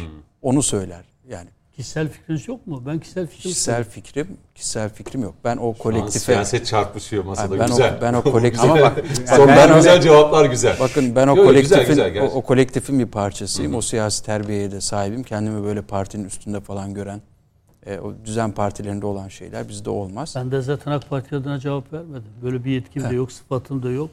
AK Parti'nin şu an düz bir üyesiyim. O kadar. Ha, Dolayısıyla biz e, bu yarışta varız. Bir ittifakta olmadığımız için ama e, Kılıçdaroğlu'nda olması lazım. Yani yoksa hakikaten partinin de başkanı olmasın. Yani Ne anlamı var o zaman? ben cevabımı geri çekeyim. Peki, o zaman bakarım ben de. bir hele bir karşı karşıya gelsin. Ya ben sizin e, fikrinizi biliyorum. Sağ olun açıkta ettiniz ama Ama yok mesela Mehmet abi Ee, ben o konuda katılırım. Yani şu uygun lisan bana göre. Partimin kararına saygım sonsuz. Partimle birlikte hareket ederim ama benim şahsi olarak kanaatim budur. Yok, Ya ben geçtiğimiz. Bakın o zaman birkaç hafta olmazsınız. önceki programda da burada yeniden Refah Partisi'nin genel başkan yardımcısı Doğan Bey buradaydı. Mesela aynı polemik ya da polemik demeyeyim aynı başlık üzerinden bir tartışma olmuştu. İşte Ne tartışması o bir tabii skandal Fatih ya. Erbakan dedi hani şey olursa dedi ben dedi Tabii canım, kesin. sorgusuz sualsiz Çok ya. Erbakan Hala- dedi. Ama yani- siz de de Erdoğan diyebiliyor musunuz diyemediniz diye böyle bir şey olmuştu. Ya ben Mehmet Tabii. Mete olarak kişisel fikrimi söylüyorum. Fatih Erbakan'la Sayın Kemal Kılıçdaroğlu ve de bir başkası karşıya gelirse Sayın, Perinçek Kılıçdaroğlu Sayın, kalırsa- Sayın Erdoğan e, hiçbir şekilde denklemin içinde değilse benim tercihim gözü kapalı hiç şeyden yana olur. Yedili masa Erbakan'dan yani. yana olur, kalırsa Temel Karamollaoğlu'ndan yana olur. Heh, onu söyledi. Onu söyledi. Yok onu vakti gelince onu. Ha, vakti gelince. Yani bir şey, Şöyle- saflar belli olsun ondan sonra. Şöyle yapalım. Saflar Perinçek'in de safını bir görelim ondan sonra. Ha, şimdi bak Perinçek, Sayın Perinçek safını e, savaş içinde, mücadele içinde göstermiş zaten. Yani bugün bugün Türkiye'de Perinçek ne derse o uygulanıyor. Değil mi? Yani Rusya ile dostluk. değil ya, Yani dur, dur. Şöyle bakın bu bir şey anlamında değil. Öngörü diyelim ya da. Bir öngörü yani onun önerdiği siyasetler yıllar 1996 yılında Avrasya Sempozyumu Biz Perinçe'yi Vatan Partisi'ni eleştirmek istemeyiz. Bu bahse hiç girmeyelim. Sen bak demin Hayır, partimizi bakın, eleştirdin. bakın. Usulüne uygun bir biçimde eleştirdiğin için sesimizi çıkarmadık ama hayır çok da böyle hayır, sesinizi çıkarabilirsiniz. Biz bizim bütün eleştirilerimiz çünkü yani Kuvayi Milliye Cephesi yapıcı. Bakın biz biz nerede Hadi eleştiriyoruz? bir an önce reklama git. Evet, Biz nerede eleştiriyoruz? Hep milli noktalarda eleştiriyoruz. Yani e, Amerika'ya karşı tavırda eleştiriyoruz vesaire. Yani Türkiye'nin diyelim daha iyi olması için eleştiriyoruz. Yoksa e, Aramızdaki fark şu. Sizin e, sırtınızda yumurta küfesi yok. Biz devlet yöneten partiyiz. Dengeleri Hayır, biz- elbette ki korumak, kullanmak zorundayız ama dostumuzu da düşmanımızı da çok iyi biliriz. Merak etmeyin. ama şöyle o dengeleri o dengeleri bakın o mektuba yanıt vermezsiniz. En son gelir Ankara'da onlar o toplantıyı Yanıtın yapar. farklı biçimleri Yani olabilir. e, olabilir ama onu onu bu millet görecek. Bunu bu millet görmezse şey olur. Peki Ee, şöyle onun sonu- mı? Gelmez. Ee, ilk reklam arasına gidiyoruz. Bayağı yaklaşık bir saatten fazladır konuştuk. Ee, dönüşü Utku Bey şu 8 saati başlayacağım. Ee, Coşkun Bey ve e, Muzaffer Bey'le devam edeceğim. İlk araya gidiyoruz. Devam edeceğiz. Konuşmak lazım devam ediyor. Ee, bugün masamızda dört konuğumuzla birlikte siyasette öne çıkan başlıkları konuşuyoruz. Utku Bey'de kalmıştık. Devam edelim. Şu e, Kılıçdaroğlu'nun e, Amerika gezisi ki Gezi'nin ki muhalefete yakın medya tarafından da kimileri tarafından bunun bir fiyasko olduğu şeklinde yorumlandı. Bunu bir tarafa bırakıyorum. Sayın Kılıçdaroğlu dedi ki gittik orada bir vizyon çalışması yaptık. Bilim insanlarıyla, üniversitelerde, öğrencilerle bir araya geldik dedi. Ama gitmeden önce işte bazı senatörlerle hatta Obama'yla siyasilerle de görüşüleceği belirtilmişti ama hiçbiriyle görüşme olmadı. Bir iletişim kanalı sağlanamadı. Ee, ve o seyahatte 8 saatlik bir e, Kılıçdaroğlu'nun kayboluşu. Yani bunu geziye giden gazeteciler de uçağa bindikten sonra ya Sayın Kılıçdaroğlu nerede diyorlar. Karayolunu kullanarak işte Boston'dan e, New York'a gideceği söyleniyor. Ama o 8 saatlik süreçte nerede ne oldu ne bitti e, bir netlik yok. Orada bir flu e, e, söz konusu bir karartma mı oldu bilemiyoruz. Ya da işte açıklanan işte hamburger geldiği söyleniyor. Sayın Kılıçdaroğlu geldi. Herhangi bir açıklamada gelmedi. Sayın Bahçeli olsun, Sayın Cumhurbaşkanı bu konuda bir açıklık getirilmeli. Kamuoyuna bir e, izah yapılmalı e, dendi. Ama Sayın Kılıçdaroğlu bu konuyla alakalı e, sosyal medya hesabından bir tweet attı. Buradan sözü size vereyim. Bu 8 saatlik e, mevzu için siz ne düşünüyorsunuz? Ne olmuştur? Ne olabilir? Ya şimdi aslında az önceki konuyla bağlantılı. Şimdi Kemal Bey'in normalde aday olması lazım. Siyasetin doğası bu. Fakat olamıyor. Neden olamıyor? Çünkü kararı kendisi verecek konumda değil. Yani o masanın aslında diyelim organizatörü, bir araya getireni Amerika. Bunu hem e, Biden açıkça söyledi. Yani Erdoğan'ı devirmek için muhalefeti destekleyeceğiz dedi. Hem de Amerikan derin devletinin e, işte CFR'nin falan yayın organlarında açık açık yazılıyor. Hatta bu liderlerin isimleri vererek bunları bir araya getirelim ve Erdoğan'ı devirelim deniyor. Dolayısıyla adayı belirleyecek, altılı masanın adayını belirleyecek kişi ne e, Sayın Kılıçdaroğlu ne Sayın Akşener. Orada e, Sayın Metiner'den de ayrılıyorum. E, hani Akşener'in bir planı olduğundan falan e, Kurgusu. söz ediyor. Bir kurgusu olduğundan söz ediyor. Bence o da yok. Yani o da o, o öyle bir şeyi yok. Öyle bir gücü yok. Kime ol derlerse o olacak. Dolayısıyla Masanın e, bir iradesi a- yok. Bu, bu geziyi de ben e, icazet gezisi olarak görüyorum ve hakikaten üzülerek takip ettik. Yani bir Türkiye'deki ana muhalefet partisi liderinin bir dış ülkeye gittiği zaman o ülkenin diyelim lideriyle olmasa bile diyelim başkanıyla görüşemedi, başkan yardımcısıyla ya da diyelim muadili parti kimse, örneğin Demokrat Parti mi? O, o partinin li- liderleriyle falan görüşmesi beklenir. Dolayısıyla e, Amerika'nın Sayın Kılıçdaroğlu'nu istemediği çok açık. Ama bu istememe işte Kılıçdaroğlu'nun siyasetlerini beğenmedikleri için ya da Kılıçdaroğlu'nu işte kendilerine karşı olduğunu düşündükleri için değil. Kemal Kılıçdaroğlu'yla e, bu süreci başaramayacaklarını gördükleri için. Yani Amerika'nın bir tercihi söz konusu. E, bu tabii 8 saatlik mesele de ayrıca izaha muhtaç ve e, hiçbir şekilde Türk devlet geleneğiyle e, hele hele böyle dış münasebetlerde falan rastlanmayacak durumlar Çok bunlar. özür diliyorum. Sayın Sarıgül seçime 6-7 ay kala Amerika'ya gitmiş olsaydı aynı eleştiriler Sayın Sarıgül'e de gelir miydi? Gelirdi. Onun için de gitmezdi. Gider miydi? Gitmezdi. Davetle gelseydi. Şöyle zaten geliyor. Geliyor. Zaten geliyor. Önüm- Amerika'dan Sayın Sarıgül'e davet geldi mi? Amerika'dan değil, İngiltere'den geldi. Hı Ee, önümüzdeki pazartesi günü için şu e, zamanda gelen daveti, pazartesi günü gelen davetin doğru olmayacağını düşündük, değerlendirdik ve e, git- Reddettiniz. gitmeyecek tabii Peki. ki. Tabii ki. Bunu da Bakın Amerika'ya gitmekte bir sakınca yok. Yani mesela biz de Amerika'ya gidebiliriz. Ondan sonra işte başka ülkelere de gidebiliriz. Gidiyoruz da. Suriye'ye gidiyoruz, Rusya'ya gidiyoruz, İran'a gidiyoruz, Çin'e gidiyoruz, Kore'ye gidiyoruz. Ee, belki ileride Suudi Arabistan'a gideceğiz. Ee, dış temasta bir problem yok. Yani orada sizin e, ileride diyelim devleti yönetmeye adaysınız. Türkiye'de atıp tutuyorsunuz ve 8 saat ortadan kaybol- kayboluyorsunuz. Yani her anınızın, her dakikanızın kayıtlı olması lazım, bilinmesi lazım. Böyle bir şey olabilir mi?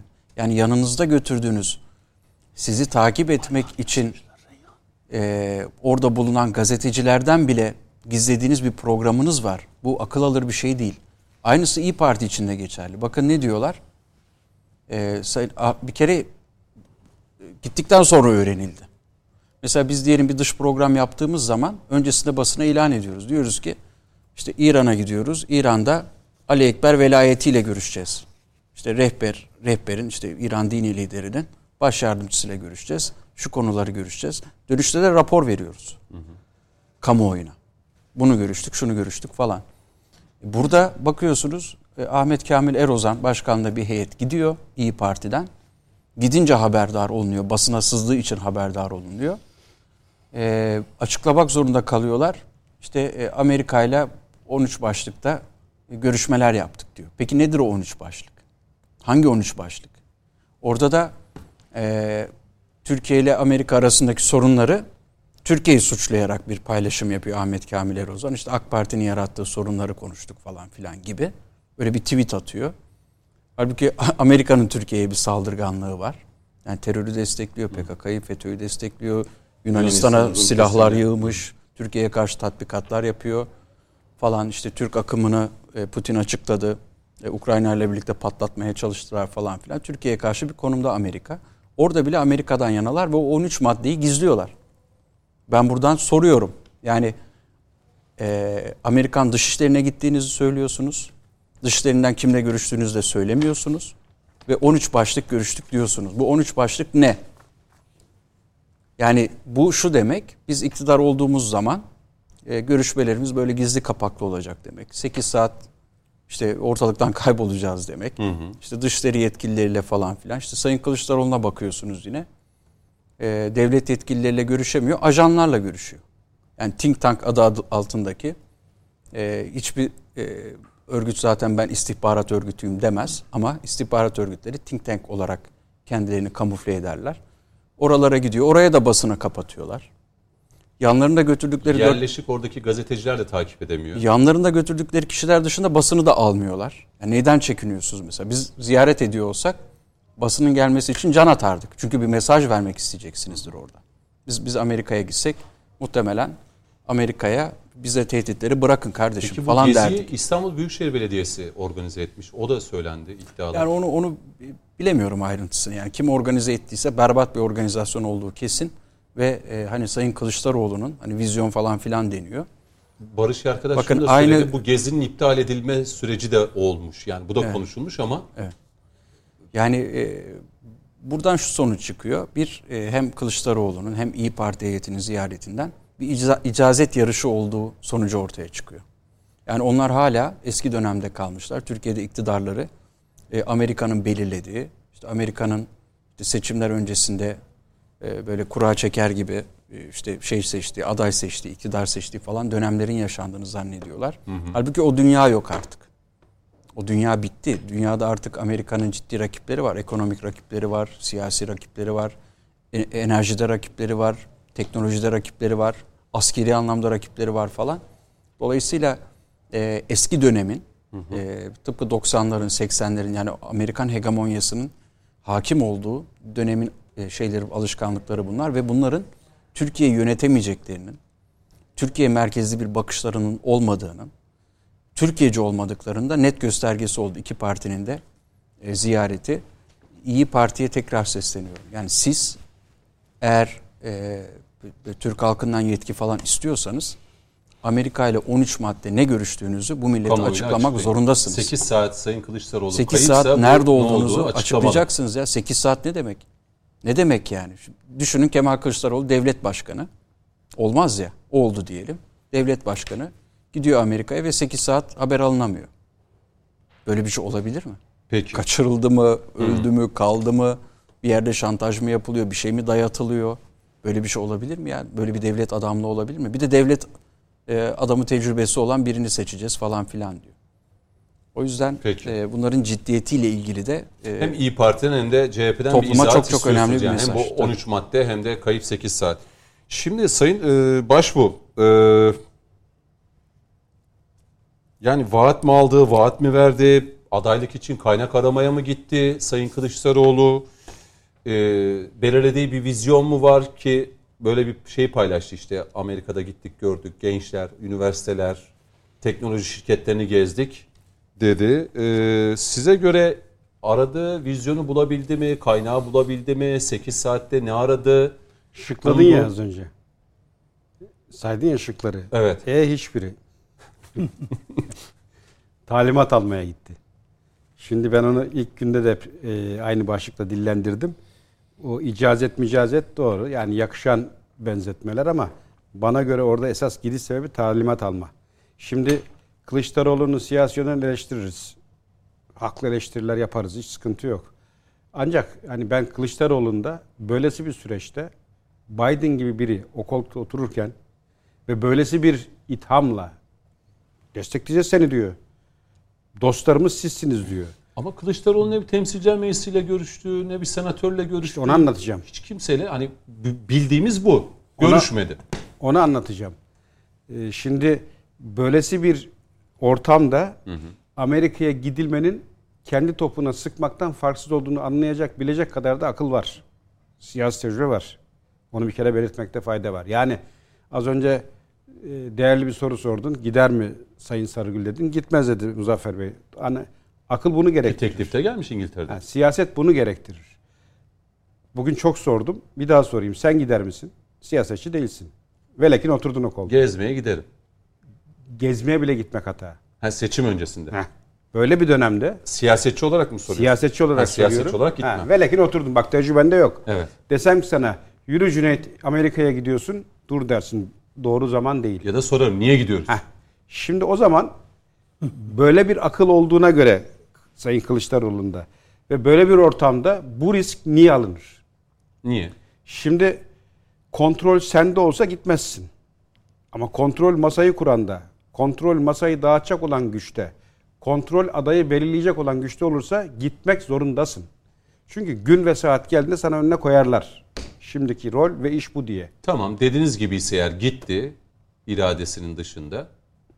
Niye gitti? Ama işte talimat almaya diye onun için söyledim. Şimdi Amerika gibi bir ülkede e, yani Kılıçdaroğlu rolündeki bir kişinin buharlaşan o 8 saati izah etmek e, imkanı yok. Neden? Çünkü zaten Amerika gibi yapılar e, Sayın Erdoğan gibi veya şu anki siyasi irade gibi diş geçiremediği, bükemediği bir yapı olduğunda eğilirler. Ama sen eğildiğin takdirde de dikleşirler.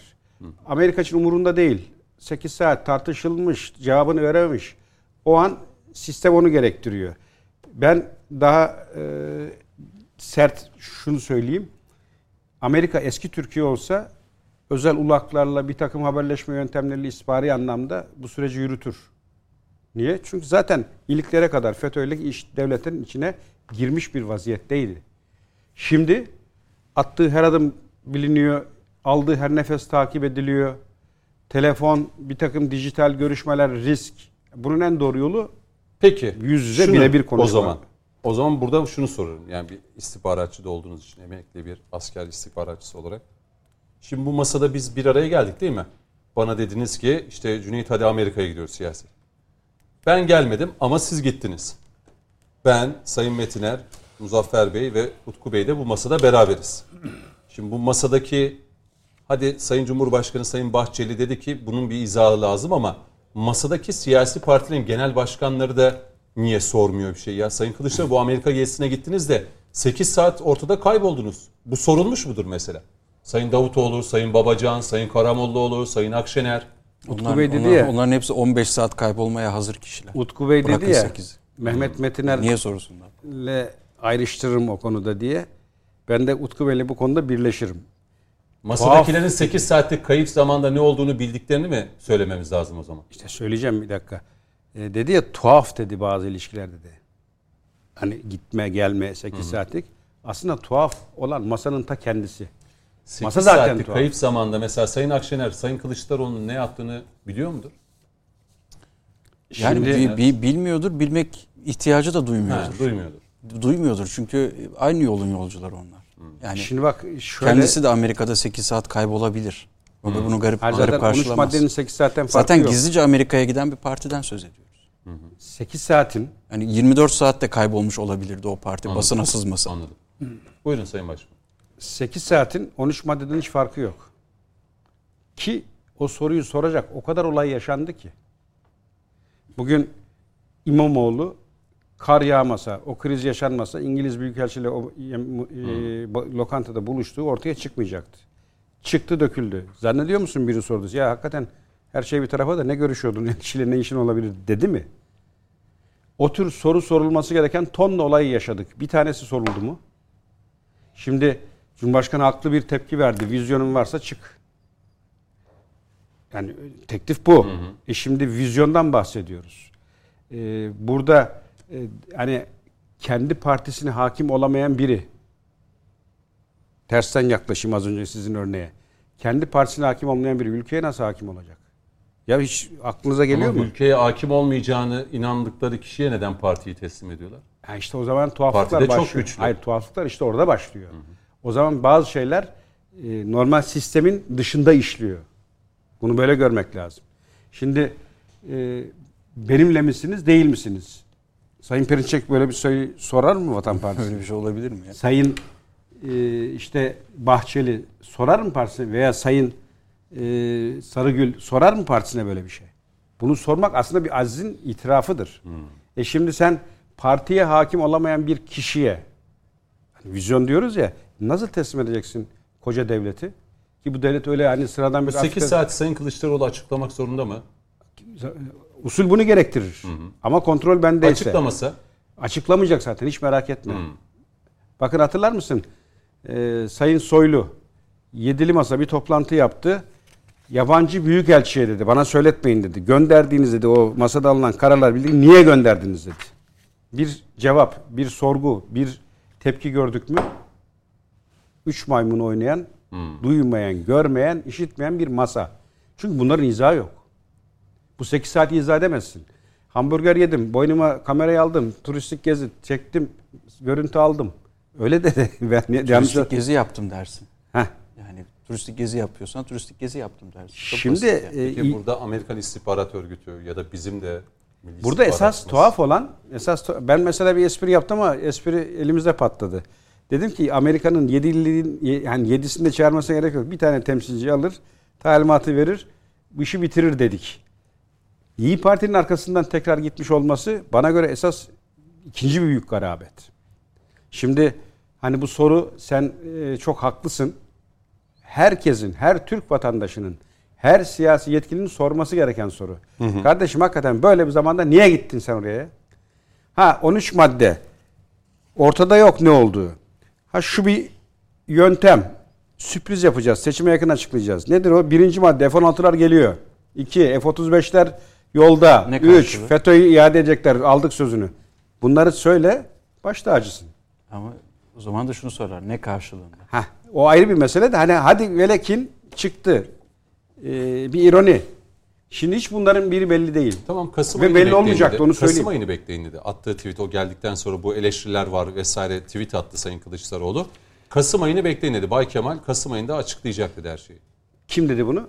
Sayın Kılıçdaroğlu. Bugün söyledi. Şimdi bakın e, ben 9 e, şeyde e, saat 9 dedi. Önemli şeyler açıklayayım. Herkes ekran başına dedi.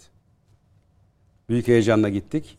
Başörtüsünü dedi kaldırıyoruz. Yani 2 Kasım dese de bir önümüze vaat verilse de olmayacak hiçbiri. Bu bu ileride üzerine film yapılacak bir konu 8 saat.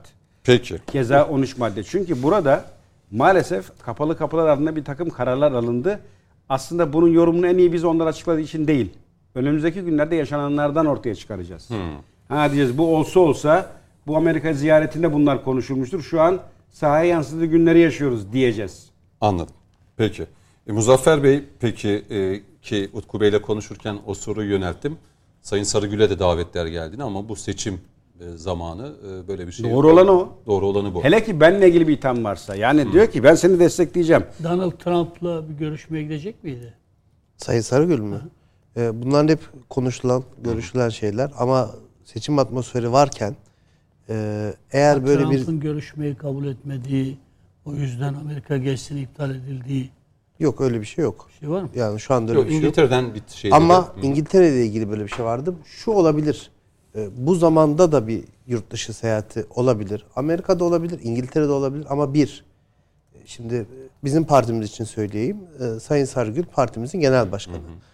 Sayın Sarıgül yurt dışı ziyaretine gidecekse eğer o ziyaret biraz önce Utku Bey'in de söylediği gibi e, genel başkanın e, genel başkana yakışır bir programla olmalı.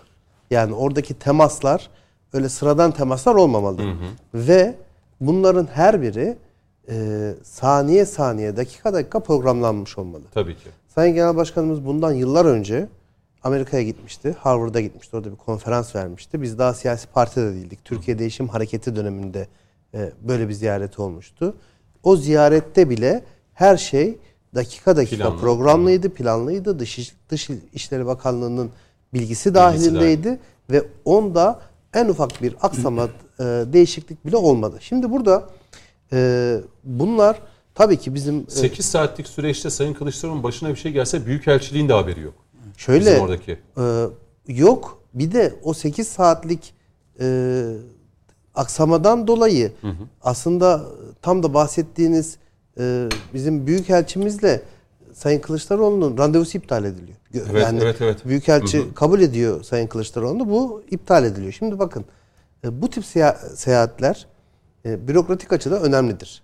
Yani ana muhalefet partisi gitsin tabii ki görüşsün biz mutlu oluruz. Yani e, dış ülkelerle bizim temaslarımız, iyi ilişkilerimiz her zaman için önemlidir. Fakat burada şu var. E, Bununla ilgili bir problem yok. Ama seçime bu kadar erken yakın bir zamanda Amerika gibi işte Türkiye ile problemi olan, bizle problemi olan birçok insanın barındığı bir yere böyle bir seyahat, seyahatin planlanması bir kere sıkıntıdır. Bu seyahatteki belirlenen e, plan, yapılan şey e, ayrı bir sıkıntı.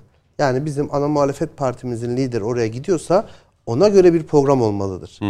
Bunların hepsinin ötesinde bu 8 saatle ilgili aslında sizle aynı fikirde olmadığım konu şu. 8 saat boyunca evet Kemal Kılıçdaroğlu ortada yok ama e, çıktığı yol yerden varacağı yere kadar olan yol 7,5 saat.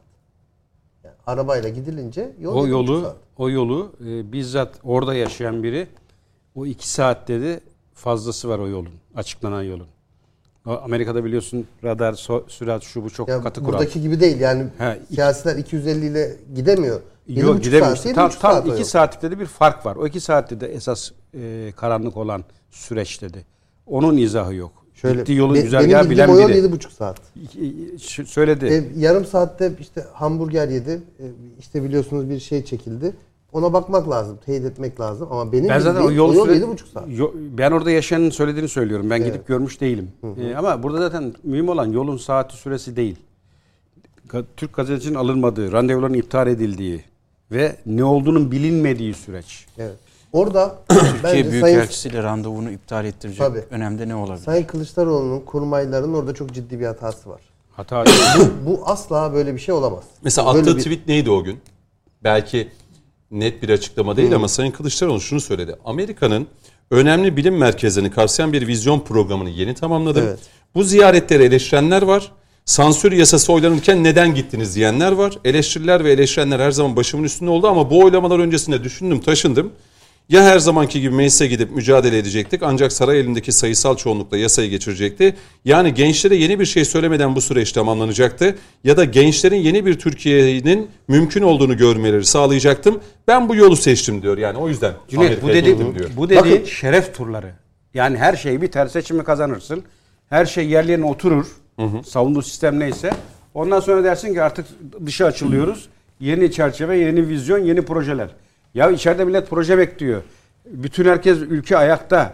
Yedili masa ne yapacak? Gözü kulağı sen de sen tası tarağı bırak Amerika'ya git. Tamam vizyon. ben diyor gençlerin diyor ben bu yolu seçtim diyor. Buyurun Evet. Muzaffer Ya Bey. e, ben bunda e, çok anormal bir bahis görmüyorum açıkçası. Bu bu yönüyle Amerika e, ziyareti yapılmasında çok önemli bir bahis görmüyorum. Buradaki tek problem evet daha dolu bir program için gidilebilirdi Amerika'ya. E, mecliste evet bir oylama varken gidilmeyebilirdi ama bunlar çok önemli bahislerdir. Buradaki Amerika seyahatini çok önemli hale getiren, gündem haline getiren o 8 saat. O 8 saat üzerinde işte Sayın Kemal Kılıçdaroğlu'nun açıklama yapmadığı falan söyleniyor ama söyleniyor o 8 saatte arabayla bir yerden bir yere gidiliyor. Ee, işte Coşkun Bey'in de biraz önce söylediği gibi yol süresinde aynı fikirde değiliz ama orada e, hız sınırı neyse orada o, o hız sınırından gidebilir. Yabancı devletten gelen bir bürokrat olsa bile bir genel başkan olsa bile o hız sınırlarını geçemez ve o yol 7,5 saat. Şimdi böyle baktığımız zaman buna e, şey de çok doğru bulmuyorum Farklı açıkçası. anlamlar yüklemek. Farklı anlamlar yüklemek. Aradaki fark 2 saat olsa bile farklı anlamlar yüklemeyi doğru bulmuyorum. Fakat buradaki tabii ki e, asıl biz burada şunu konuşmalıyız.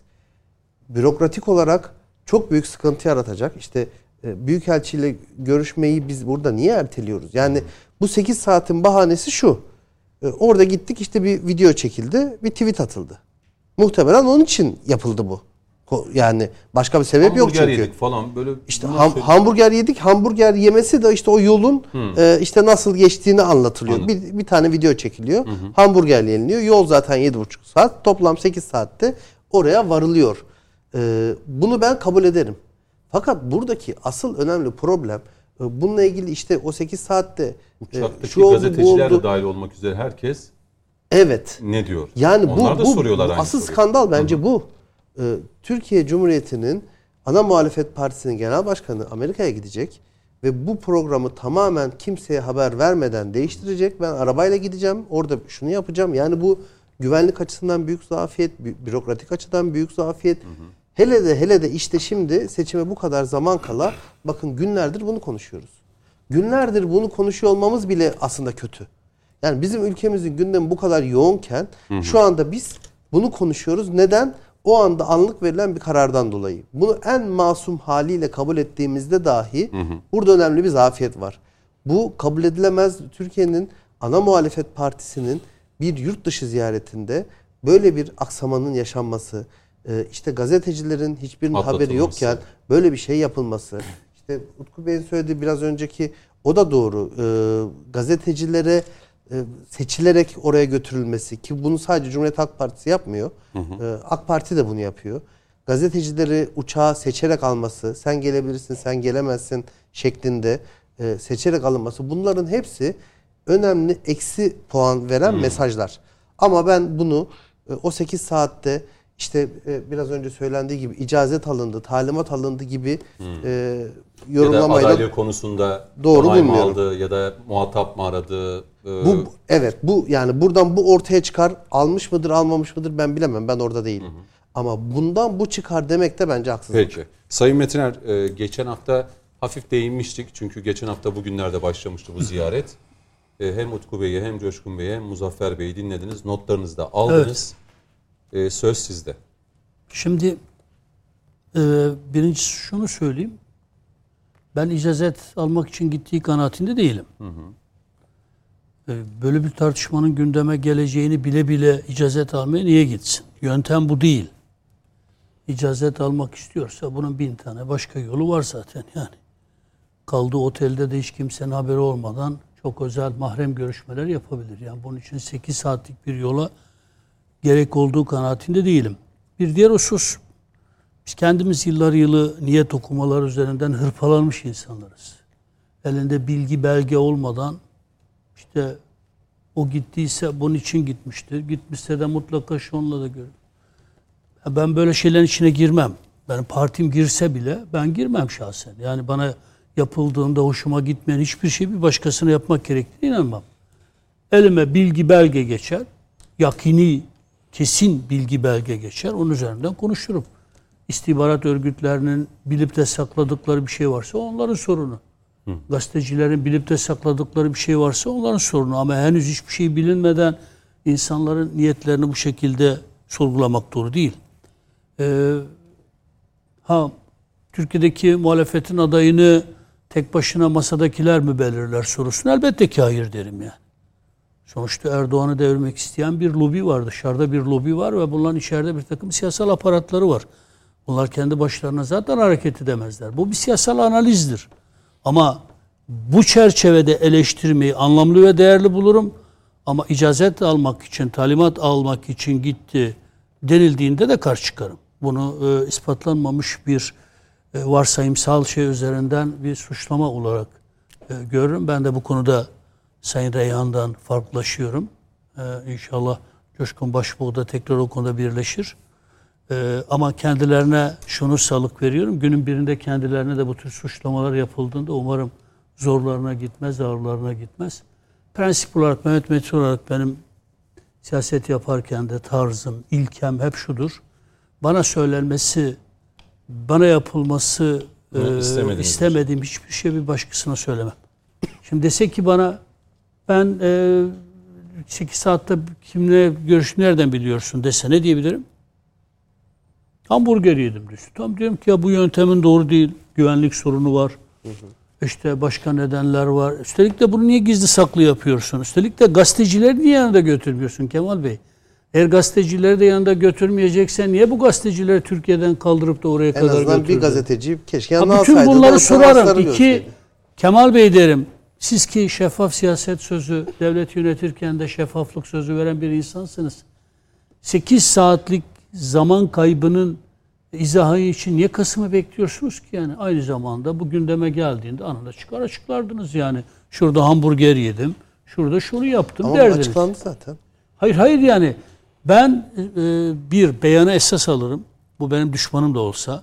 İki elimde eğer başka bir bilgi belge yoksa düşmanımla da mertçe vuruşmayı tercih ederim. İşte biz de sorduğumuz Düşmanım- soruyoruz. Tabii. Cevap gelmediği için Tabii niyet tabii ben de soruyorum zaten. Bu çok anlamlıdır yani. Hala e, kafada şüphe uyandıran sorular varsa ve bu Kemal Bey tarafından cevaplanmamışsa ve partinin sözcüsü olan Faik Öztürk bu soru sorulduğunda rahatsızlık duyuyorsa o zaman burada başka gizlenen bir şey var. Acaba o ne? Heh işte. Ha, onu ben bilemem. Biz de yorum yapıyoruz. Tabii siz Niyeti- istihbaratçısınız. Sizin yorum yapma yeteneğiniz, imkanınız var. Ben ömrü hayatımda hiç istihbaratçı olmadım. Ee, bunu da eleştiri olsun diye söylüyorum. Keşke Yo, olsaydım. Siz de tecrübeli bir siyasetçisiniz. Ama siyasetçi olarak bir ben zamanlama itiraz ederim. Çok kötü bir zamanlama, yanlış bir zaman. Ama Amerika'ya e, siyasi parti liderlerinin gitmesini asla yanlış bulmam. Hele bunları böyle savunma içgüdüsü içinde e, bize gelse zinhar gitmeyiz, ne, münasebet falan. E, hemen de e, iki cümle sonrasında da gidilmesinde de bir beis görmeyiz, sakınca görmeyiz diyorsanız e, sakınca görmediğiniz bir şey kendiniz diye yapmıyorsunuz yani. Şimdi e, yani Kılıçdaroğlu'ndan dolayı oluşan bir olumsuzluğu biz asla zinhar yapmayız ama gidişinde de bir sakınca görmeyiz denklemine oturtursanız e bu da maksattan gaye amaç olsun türünden bir konuşma olur ki buna da gerek yok. Utku Bey e, şey e, gayet e, uygun bir şekilde söyledi. Amerika'ya da gidersiniz. Çin'e de gidersiniz. Ben giderim şahsen. Şu an beni çağırsın giderim. Söyleyecek sözüm var çıkar konuşurum. Amerikan politikalarını da eleştiririm. Ve şeffaf bir biçimde yap. Bunu birey olarak da yaparım. Yani şu an Mehmet Metin olarak bana Amerika'dan bir davet gelse. Şöyle bir panelde konuşma hakkı veriyoruz size. Çıkar giderim aslanlar gibi fikrimi savunurum. Efendim zamanlaması yanlıştır. Ben gidersem yanlış anlaşılır. İşte bilmem e, X kuruluş, düşünce kuruluşu filan istihbarat örgütünün Tamam doğrudur. Biz de biliyoruz onları. Bütün think tanklerin istihbarat örgütleriyle olan alakalarını bilmeyen mi var yani? Velev ki olsa diyorum. Söyleyecek sözüm var kardeşim. Onlar beni çağırmakta bir şey, beis görmüyorlarsa, söyleyeceğim sözlerden çekinmiyorlarsa giderim. Çatır çatır onları söylerim. Şeffaf Hiç açık bir- olmak kaydıyla evet. Doğru. Ben bakınız Doğru. Ama o gö- görüşme gizli olmaz. Gazeteciler de orada Tabii ki Şeffaf onu söylüyorum. olma Hatta canlı evet. yayın Ama onu yaparsınız. söyledim ben zaten.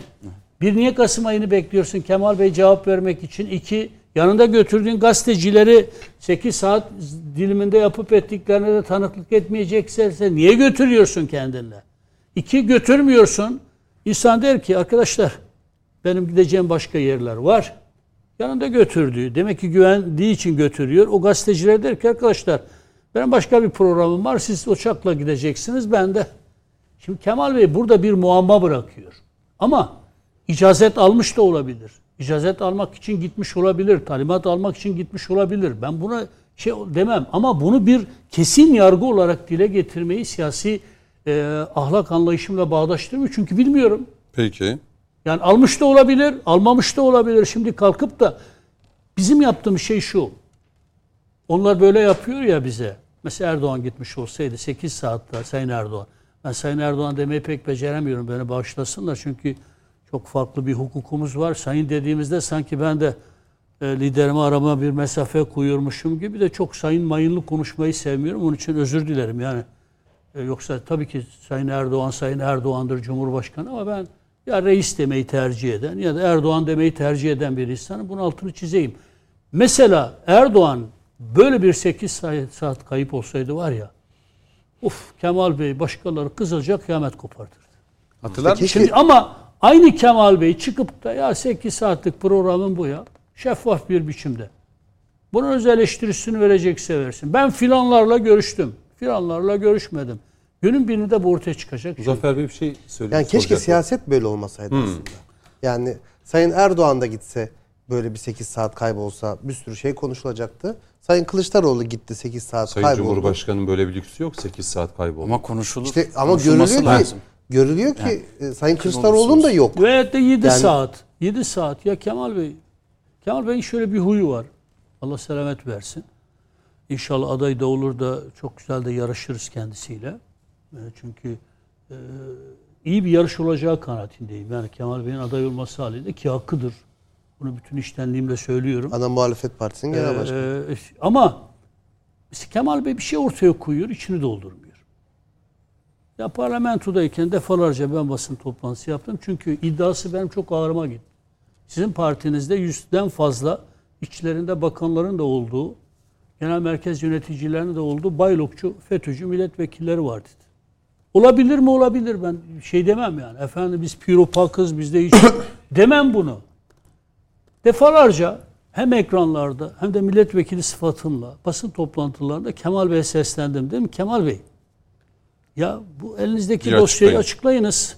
Çünkü bir açıklamıyorsanız siz suçluları örtbas ediyorsunuz. İki ya AK Parti'yi köşeye sıkıştıracak en güçlü bir argüman. Niye bunu ortaya koymuyorsun elinizde belge bilgi varsa? Kemal Bey bugüne kadar hiç açıklamadı. Şimdi bu, bu çok enteresan. Kemal Bey'in böyle bir tarzı var. Bir şey ortaya koyuyor ama Sonra dibini doldurmuyor. çekiliyor.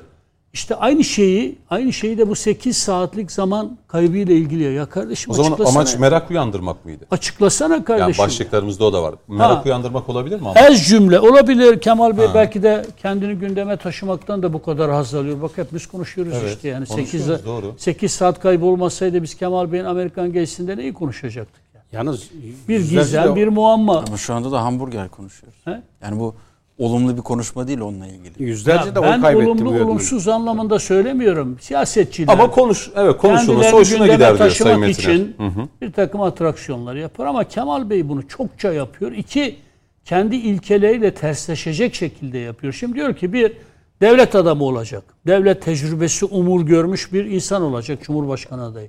E Kemal Bey bu yapıp ettiklerinin devlet terbiyesiyle, adabıyla, devlet tecrübesiyle bir alakası var mı? Demek ki sırf bu örnekliğe bakacak olursanız bile aslında Kemal Bey'in aday olmaması lazım. Peki. Büyükelçinin haberi yok, Devletin Dışişleri Bakanlığı'nın haberi yok. Beraberinde götürdüğün gazetecilerin haberi yok. 8 saatlik bir başka geziye çıkıyorsun. Yani Sayın Kılıçdaroğlu Şimdi- kaçırılsa kimsenin haberi Onun olmayacak. için ez cümle ben ben el vicdanına göre konuşan, siyaset yaparken de kendime haksızlık yapıldığında rahatsızlık duyuyorsam başkalarını da yapmamak gerektiğine insanım. Amerika geçsinde hiçbir sakınca görmüyorum. Başka bir bilgi, belge net bir şekilde ortaya çıkmadığı sürece de icazet ve talimat için gittiği şeklindeki bir anladım. suçlamaya da Peki. asla katılmıyorum. Bu aslında suçlama değil. Tespit ve tahmin. Tespite. Tamam, Ha, tespite de tahmin. Bunu açıklayacak olan da Sayın Kılıçdaroğlu. Yani. Şöyle. e, mesela Kılıçdaroğlu'nun yanlışlarından bahsetti e, Mehmet abi. Bir söylemini ifade edeyim. Cumhurbaşkanı Amerika'ya gitti ve aynen şu cümleyi kullandı. Afgan göçü konusunda anlaştılar dedi. Çok net bir tanım. Kime? Cumhurbaşkanına. Ne üzere? Hani malum bir ara e, oradan da bir kamuoyu oluşturulmaya çalışıldı. Bir kaos ortamı yaratılmaya çalışıldı. İşte binlerce Afganlı Katar Katar ülkemize geliyor. İşgal altındayız gibi. Bizim söylediğimiz o da değil. Böyle yapmıştır değil. Soruyorsun 8 saatte ne olabilir? E şimdi evet Gezi'ye ben de taraftarım. Çin'e yapsın böyle tepki toplamaz. Rusya yapsın böyle tepki toplamaz. Almanya'ya Fransa yapsın toplamaz. Ama Toplar. Amerika gibi Rusya'ya şöyle gitsin e, İyi Parti masadan kalkar. bu masayı dağıtacak güç Amerika. Öyle Yani İyi Parti'nin Sen nasıl değil. biz Amerika ile birlikteyken gittin Rusya'ya diye masayı dağıtırlar yani. Örnek veriyorum ben. Şimdi e, burada gittiğin ülke Amerika. Ya her gün tartışıyoruz. Diyoruz ki bak Amerika böyle böyle emperyal bir yapı. Türkiye üzerine böyle planları var. Ve bu planları muhalefet üzerinden, dostlar üzerinden işletecek deyip de Ama biz diyoruz onu. Mesela siz o altı partinin ağzından hiç Amerika'ya karşı bir şey duydunuz asla mu? yani O zaman e, onlar açısından normal bir şey. normal ve aslında bizim gündemimiz bu. normal Türkiye'nin olmadığını gündemi, onlar da onların biliyor. değil. Ama hiçbiri çıkıp şu cesareti gösteremiyor. Ya sen kimsin bana ayar veriyorsun? Yedili masa hakkında konuşuyorsun. Burada bir ser, irade var, bir birliktelik var. Buna biz karar veririz. Sen kimsin diyen olmadı. Kimi sustu, kimi görmezden geldi, kimi üstünü örtmeye çalıştı. Ama burada bir söylemin olduğunu 80 milyon biliyor. Bunun üzerine yapılacak o Amerika ziyareti çelişki. Ve üstelik işte yanlışlardan bahsetti Mehmet abi. Aynen söylediği şu giderken bazı kriterleri sıralayarak gitti. Dediği şu biz dedi siyasi iktidarla hiçbir zaman görüşmek istemeyiz dedi. Neye dayandırdı? Muhalefetim. Amerika'da gidip de şu an iktidardaki Biden'la görüşmem. Zaten görüşmezler de Amerika'nın o katı çizgisi vardır. Muhatap almaz. Anladım. Ona bir kılıf bulmak istedi. Ama şimdi ben o zaman Kılıçdaroğlu'na şunu sorarım. Madem siyasi iktidarla görüşmek istemezsin parti olarak böyle bir doktrinin var. İmamoğlu Miçotakis'le el ele kol kola verdiği pozlara ne diyeceksin? Gitti. İmamoğlu hatta esprisini de yaptık. Atina'da değil mi? Atina'da. Ha dese ki İmamoğlu buraya değil oraya adaylığını koyacak. Tamam anlarım. Nasıl? Raki, İmamoğlu buraya değil oraya Cumhurbaşkanı Atina, için adaylığını Atina. koyacak. Atina'da Miçotakis rakibi dese anlarım. Güleriz geçeriz ama onda denmedi. E, siyasi iktidarla temas halindesin. O mu doğru? Sonradan söylediğin doğru. Yani burada üst üste hatalar, üst üste yanlışlar, üst üste karanlık noktalar binince Peki. şeytani fikirler başlıyor. Bu 8 saat elbette Sayın Kılıçdaroğlu canı isterse yani önce Gezi'ye götürdüğü gazetecilerle paylaşır herhalde. Ben öyle tahmin ediyorum. Ya 8 saat Onlar- değil. 8 dakika bile sorgulanır Tamam işte burada. Gezi'ye 8 götürdüğü dakika. gazeteciler de baskı yaparlarsa sıkışırlarsa herhalde önce onları açıklar. E, Onları açıklarsa zaten. Yani yandaş de- gazetecileri. Ben öyle bir Öyle tabir de yani? kullanmak istemiyorum ama Yani, yani, birileri çıkıp da öyle fondaş dese- diyorlar, yandaş diyorlar. Yani herkese açıklamak varken münasıran baskı. Şu bir yapıyor. şu şu çok Gezi'ye ciddi bir problem. Oradaki gazeteciler açısından da büyük. Ya ben o gazetecilere yandaş Boston'dan- suçlamak için değil. Yandaş olma kötü bir şey de değil. Erdoğan'ın da yandaş gazetecileri var. Kılıçdaroğlu'nun da yanlış gazetecileri. Yandaş denildiğinde niye insanlık onu da anlamıyorum ya. ya hepimiz yandaşız ya. Dibine kadar ya herkesin bir tarafı var elbette. Yani Ama öyle değil. gazeteci Taraf. gazeteci olarak konuşur, siyasetçi siyasetçi olarak konuşur. Ama gazeteciler Kemal Bey'i savunurken de Erdoğan'ı savunurken de gazeteci gibi savunmuyorlar. Böyle bir gazetecilik anlayışı da türedi, sınıfı da türedi. Bu da inan ki rahatsızlık yaratıyor yani. tarafsızlık demeyeyim de gazeteci de taraftır onu söyleyeyim. Doğrudan ülkesinin milli menfaatlerine her daim sahip çıkan da e, Ama siyasetçinin üslubuyla ga- e, Tabii ki, gazetecinin mutlaka. üslubuyla siyasetçinin üslubu aynı olmuşsa bir gazeteci hatta bir siyasetçiden çok daha aşırı bir biçimde bir siyasal partinin sözcülüğünü yapıyorsa da o da gazeteci olmaktan artık Yani gazetecinin çok rahatsız olması lazım. Şimdi Boston'dan Washington'a gidiyor. Arada New York var. Değil mi? Oraya uğruyor. Ve bir e, işte orada bir video çekiyor. Türk evini eleştiriyor değil mi? Olay o. Yani şimdi ben siyasetçi olsam ve e, Türk evinin önünde bir basın açıklaması yapıyor olsam basının gelmesini isterim. Yani Tabii. onu niye yapasın ki zaten? Yani tek başına gidip böyle e, şey gibi troll gibi tweet videosu falan çekmenin bir anlamı yok. Sen siyasi parti genel karar Zaten gazeteciler de onun için var. Aniden karar veriliyor olsa bile Tabii olmamalı ga- öyle de. gazetecilere de denir ki hadi beraber programımızı değiştirdik. New Ama York. işte bu genel başkanlar TikTok'ları çok seviyor. Önce New York'a gideceğiz falan dersin yani. Bunu bir tarafa bırakacak olursak altılı TikTok masada siyaseti. sıra kimde York- diye sorsam Nasıl? Amerika ziyareti.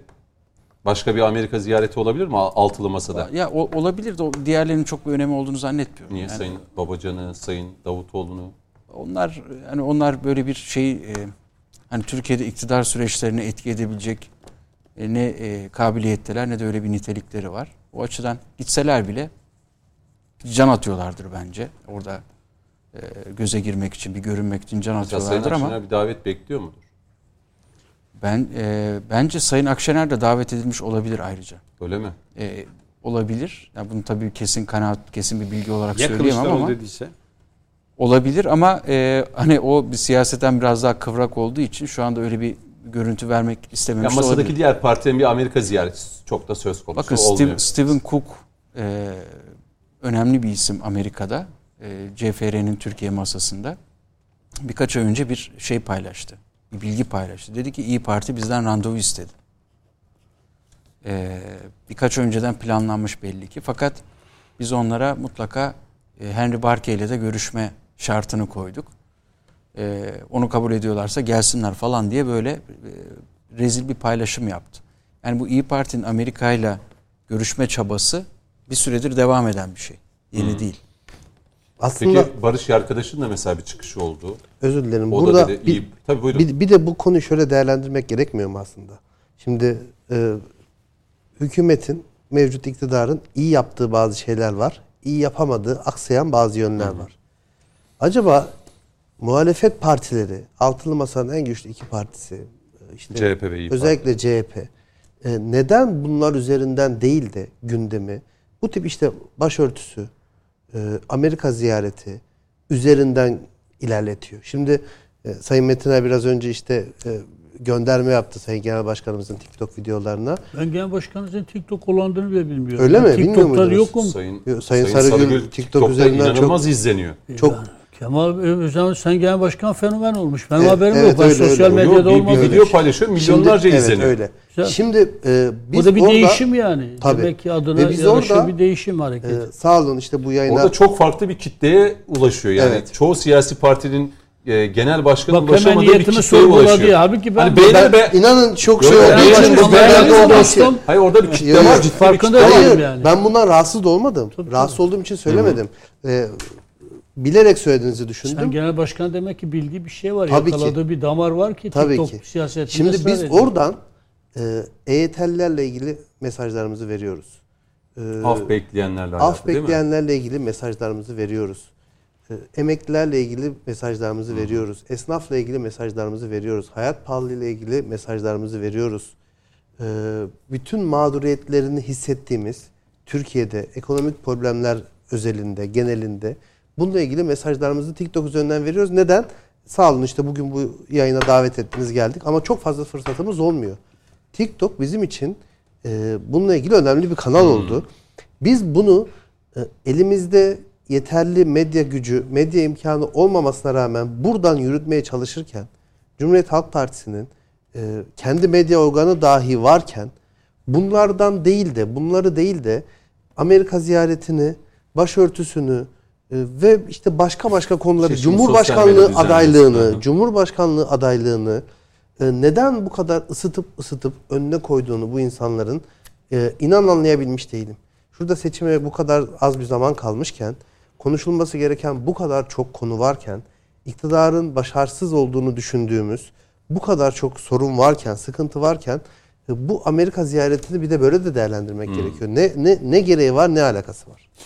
Yalnız bu arada hani TikTok dedik de Sayın Metin orada bir başka bir kitle var. Yani TikTok üzerinden bir sandık konulsun, seçim yapılsın, ben Sayın Sarıgül kazanır. göre ben TikTok nedir onu da bilmiyorum yani. ben ti- sadece tweet atmasını yeni yeni öğrenmiş bir insanım. Reklam arasında Sosyal TikTok'u göstereceğim. Sayın Metin Ersoy. Ama Ta- takip edin tavsiye ederim. TikTok'u Sayın göstereceğim. Sarıgül burada bir şey bulmuş ki yapıyor. Sosyal Tebrik ederim. medyayı her türlü kullanmak bana göre şu an Birkaç doğru dakikamız yol. varmış. Bir reklama gidelim. Dönüşü işe ise belki sürede kalması amacıyla. Ee, şu sosyal medya düzenlemesi ya da dezenformasyon yasası 29. madde çok tartışılıyor, konuşuluyor. Şimdi ben reklama gitmeden önce desem ki ya Somali gençler yarın işte İşkur tarafından bir açılacak şey var. Bin kişi alınacak. İşte e, Somalili gençler hiç e, mülakata girmeden 500 tane Somalili işe alacaklar diye bir açıklamada bulunayım. Tweet atayım. E, ne olur sonucu? E, yalan olur. Orada bin kişi belki işe girecek, mülakata girecek. Herkesin e, kafasını bulandırırım. E, sonuç ne olur? İşte ben yalanı ortaya yaydım. Binlerce kişi de bunu gördü. E, burada birileri de suçlanır. Benim atmış olduğum bu bilgiyle ve tweetle. Şimdi 29. madde pek çok şey içinde barındırıyor ama şimdi Anayasa Mahkemesi'ne CHP taşıdığı için bazı çekinceler var. İşte retweet edenler var, beğenenler var. Ne olacak? Ee, orada bir toplu bir soruşturma mı başlayacak? Kim tutuklanacak? Retweet eden, beğenen, kişisel hak ve özgürlükler, e, ifade özgürlüğü tamamıyla elimizden alınacak diyenler var. Masamızdaki dört isme de bunu bir soracağız reklamlardan sonra. Son bölümdeyiz değerli izleyenler. Muzaffer Nerse, Utku Reyhan, e, Coşkun Başbuğ ve Mehmet Metiner'le birlikte konuşmak lazımın final turundayız. Her konuma beşer dakika vereceğim. Ee, Sayın Metiner siz de bitireceğim. İlk turda, şey, Tamam, son bayağı- turda Coşkun Başbuğ'la başlayayım. Ee, ya da Utku Bey sizden başlayalım bu. Dezenformasyonla mücadele diyoruz ama aslında bir torba yasaydı. Pek çok şey internet haberciliğinden tutun da basın kartlarına, e, doğru haberden tutun da sosyal medyada atılan tweetlere kadar pek çok şey içinde barındıran bir torba yasaydı bu. Ama 29. madde çok tartışıldı. Orada da açık ve net. Yani halkı alenen galyana getirmek, tahrik etmek, e, işte yalan bilgiyi yaymak, e, suç kapsamına alınacak ve e, bir yıldan üç yıla kadar da hapis cezasıyla yargılanacak ve ceza alacak. Eğer e, ki suçun e, gerçekleşmesine dair de 4-5 başlık da yer alıyor. Bir kere haberin kesinlikle yalan olması gerekiyor. Yani yalan haberi birisi eğer sosyal medya hesabından duyurur, yazar ve paylaşırsa e, bundan sonrası e, artık o haberi yapan kişinin e, başına ne geleceğini göreceğiz. E, Kanunda zaten belirliyor. İfadesi alınacak. Bir yıldan üç yıla kadar yargılanacak. Para cezası mı olur, hapis cezası mı olur? Ama muhalefet aldı bunu özellikle bu maddeyi Anayasa Mahkemesi'ne taşıdı CHP. E, düzeltilmesi gereken bir şey var mı? İfade özgürlüğü, işte kişisel hak ve özgürlüklerin kısıtlanması gibi eleştiriler getiriliyor bu 29. madde üzerinden. Ve bu iş eğer kanun koyucular bunu belirlediyse bunun karar vericileri tarafından da bir kafa karışıklığı olabilir. Orada karar verirken nelere dikkat edilecek mesela? Şimdi e, bir kere dezenformasyon demeyelim bence. Yani kanunun adı da zaten o değil, ama Değil. biz o ismi taktık. Bir kere Türkçe değil ve hakikaten telaffuzu zor. Bizim dilimize de uygun değil. Biz mesela Bilgi kirliliği ya da yalan bilgi, bilgi. bozma yasası adını taktık kendimiz. Sizlere de öneriyoruz. daha- bilgi bozma. Bilgi bozma. Bilgi bozma yasası. Şimdi e, burada e, az önce verdiğiniz örnek tam doğru değil. Yani mesela birisi yalan bilgiyi yaydı diye e, suçlu duruma düşmeyecek. Çünkü beş unsur aranacak burada. Şimdi bir doğru gerçek olmayacak. Kesinlikle doğru olmayacak. Mesela şöyle Ümit Özdağ diyor ki dedi ki Marmaris'teki ormanı e, Suriyeliler yaktı dedi. Evet. Bunun iki hafta önce oldu. Sonra anlaşıldı ki o Marmaris'teki bir arıcımızmış. Türk yani. Bizim vatandaşımız. Bu suç kapsamına girecek mi bu? Şimdi bu bir gerçek olmayacak. Ama burada önemli olan şu. Özellikle hani sıradan kullanıcıları rahatlatmak açısından söylüyorum. Ee, kamu şey halk arasında panik, korku, endişe oluşturma kastı olacak. Yani bu kasıtla yapılacak. Yani kastın varlığına kim karar verecek? Mahkeme karar verecek.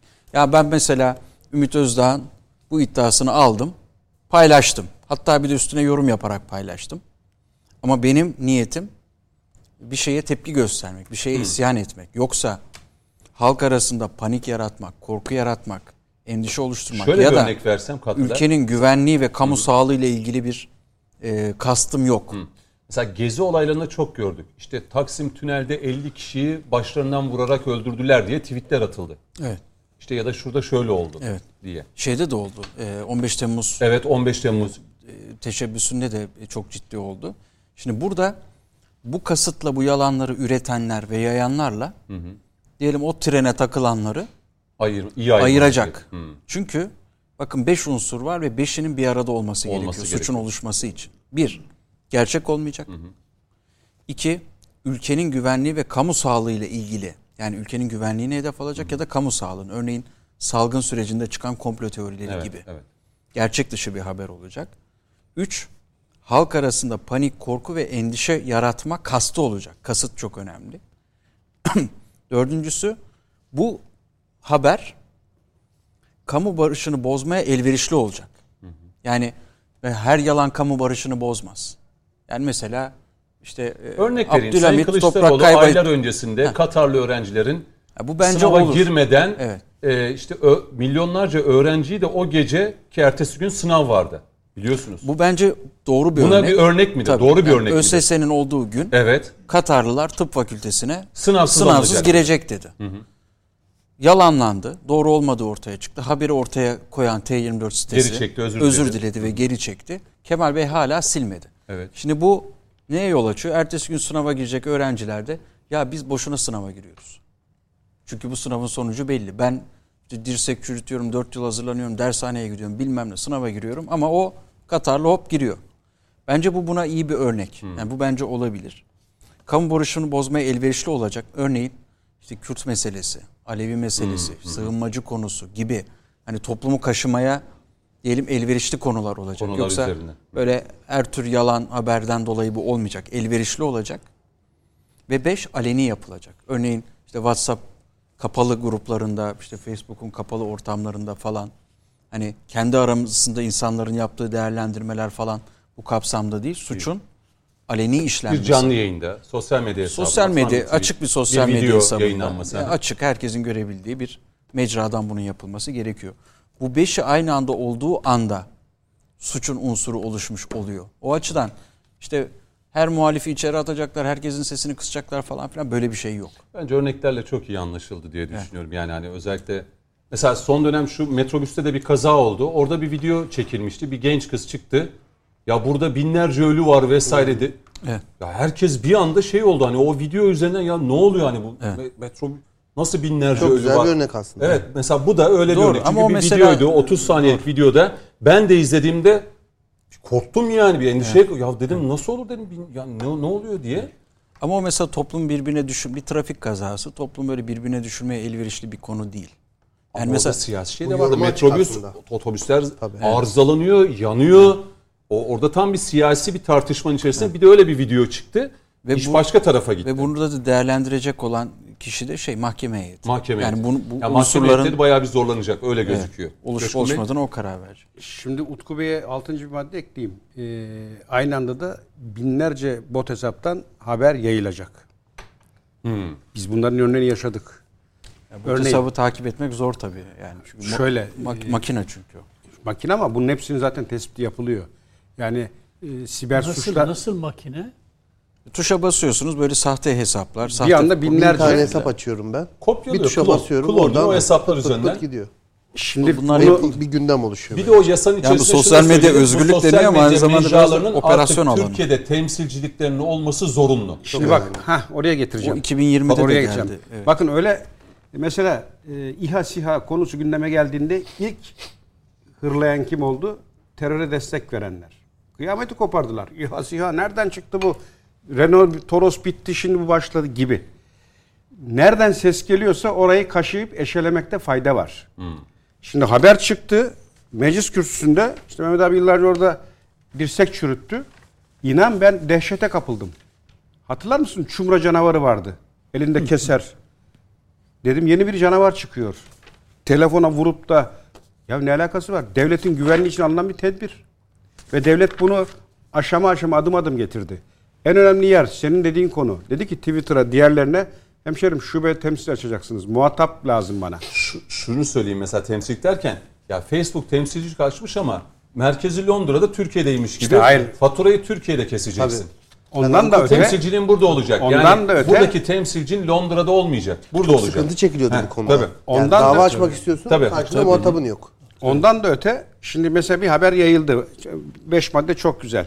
Ben mesela bugün çıksam desem ki o çumra canavarına sesleniyorum. Ee, yarın saat 9'da çok büyük patlama olacak. AVM'lerden uzak durun. Ve bu haber yalan çıktı desem ki şaka yaptım. Bunun bir karşılığı olsun mu olmasın mı? İşte panik korku. Ki bu çok denendi. Yani bakın Arap Baharı diye başlayan kış olduğu anlaşılan olaylarda, Ukrayna'daki o kalkışmalarda hep sosyal medya üzerinden örgütlenildi. Ve bir takım o bahsetmiş olduğumuz... Bu olay ilk gezi olaylarına çok çıkmıştı. İşte ben oraya çok geleceğim. Yani yurt dışından örnekler verdim. Şimdi bize geleceğiz. Gezi olaylarında da sosyal medya inanılmaz kullandı. Ve şu bugün her ülke şunu yapıyor. İran yeni işte olaylar yaşıyor.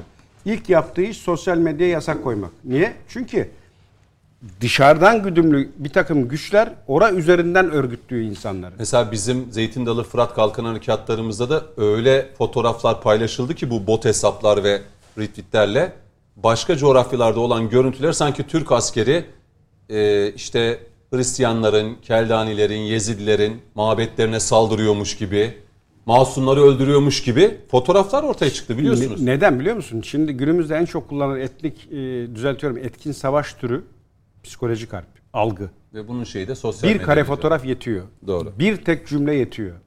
Kitleleri ayaklandırmaya. Örneğin şu an e, ülke anmayın. Şu etnik kökenli göçmenler şurada mahalle bastı, yüzlerce talan edildi. Şu kadar kişi hayatını kaybetti desem. Ülkede ora- oluşacak ortamı hayal et. Ve diyor ki o Onu yapanlar var. Onun partisi kuruldu ya. Heh, Her gün Ha. yapıyor adamı. Ne güzel söyledin. Şimdi bunların dünyada hiç bu kadar öyle özgür bir ülke yok. Hesabının sorulmadığı.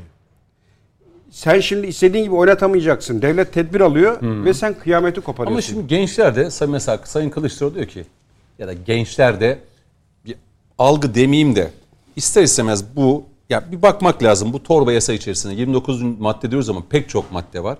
Keşke genç arkadaşlarımız da alıp bakabilseler. Yani mecliste bu kanunlaşan ya tekliflerde ne var ne yazıyor diye. Şimdi genç diyor ki e demek ki şimdi bu karardan sonra bu kanunlaştıktan sonra ben daha tweet de atamam. Birinin bu da yalan tweetini de haber. beğenemem. Bak, bu da yalan haber. şöyle bir şey. E, o tür şeyler. Çünkü İstediği burada yapabilir. bakın burada şöyle düşünülmesin. Tweet attın hop kelepçe gel buraya. Yok. Hukuk var. Bir uygulanacak süreç var. Hukuk ve istihbari anlamda ve bak e, şunu söyleyeyim Cüneyt. Bu tür haberleri yayınların var ya ortalığa çıkması delilleriyle ispatıyla saatler alır. Ya bu, Anında buluyorlar. Buraya gelmesi Doğru çok doğru doğru şey. bulunuyor. Anında. Yoksa Yalan e, yalan Ut- haber çok açık bir şey. Yani Utku Bey'in ifade ettiği gibi ben retweet ettim tak kelepçeyi. O bakın beğendi şunu yapacaksınız. değil. Ey gençler. AK Parti Kasıtlı ekonomiyi bilinçli. yönetemiyor. Berbat. Bunlar işte e, bu, bu ülkeye layık değil. Bunları devireceğiz. Bunu, bunu istediğiniz kadar söyleyin. Ama şunu diyemeyeceksiniz. E, işte Suriyeliler, Suriyeli e, kağıt toplayıcıları şu çocuğu öldürdü. Diyemeyeceksiniz. Ya Eğer işte öldürmediyse. Mahallede yaşanan bir kavgayı işte Bakın- Suriyeliler bakın işte ne oldu biliyor musunuz? Saldırdı diye. Bu, bu tür şeyler de Bakın çıktı ne oldu? olayın ne oldu? Bakın hani sonuçlarını gör bu yasa neden gerekli? Sığınmacılar, e, kağıt toplayıcı Suriyeliler bir çocuğu öldürdü dendi. Olay aslında tam tersiymiş. Yani ba- başka bir olay var. Neyse o ayrıntıya girmeyeyim. Ertesi aynı gün akşam işte bir, bir takım e, o çocuğun yakınları olduğu söylenen mahalleli falan Gittiler. basıyorlar kağıt toplayıcıları. Bir tanesini öldürüyorlar. E, öldürülen de Türk vatandaşı çıkıyor. Evet. Olayla hiçbir alakası olmayan. Şimdi bak- Hani Suriyeli olsa da Anladım. yanlış olacaktı Bu da da, bir bir örnek, falan. bu da. Oynanmış- Yani insan canına e, kasteden yalan kadar. haberler var. Doğru. Oynanmış oyunu söyleyeyim. bitirin, Bak oynanmış oyunu söyleyeceğim. Önemli bir örnek.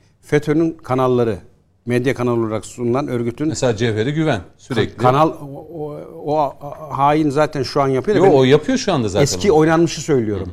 Twitter falan yokken. Kanal Türk Samanyolu. Eski arşivler duruyor. Açın bakın. Haberler, 7 haberleri. İlk haber şu. 4 şehidimiz var. Cenaze törenimiz, şehitlerimiz, ağlayan anneler.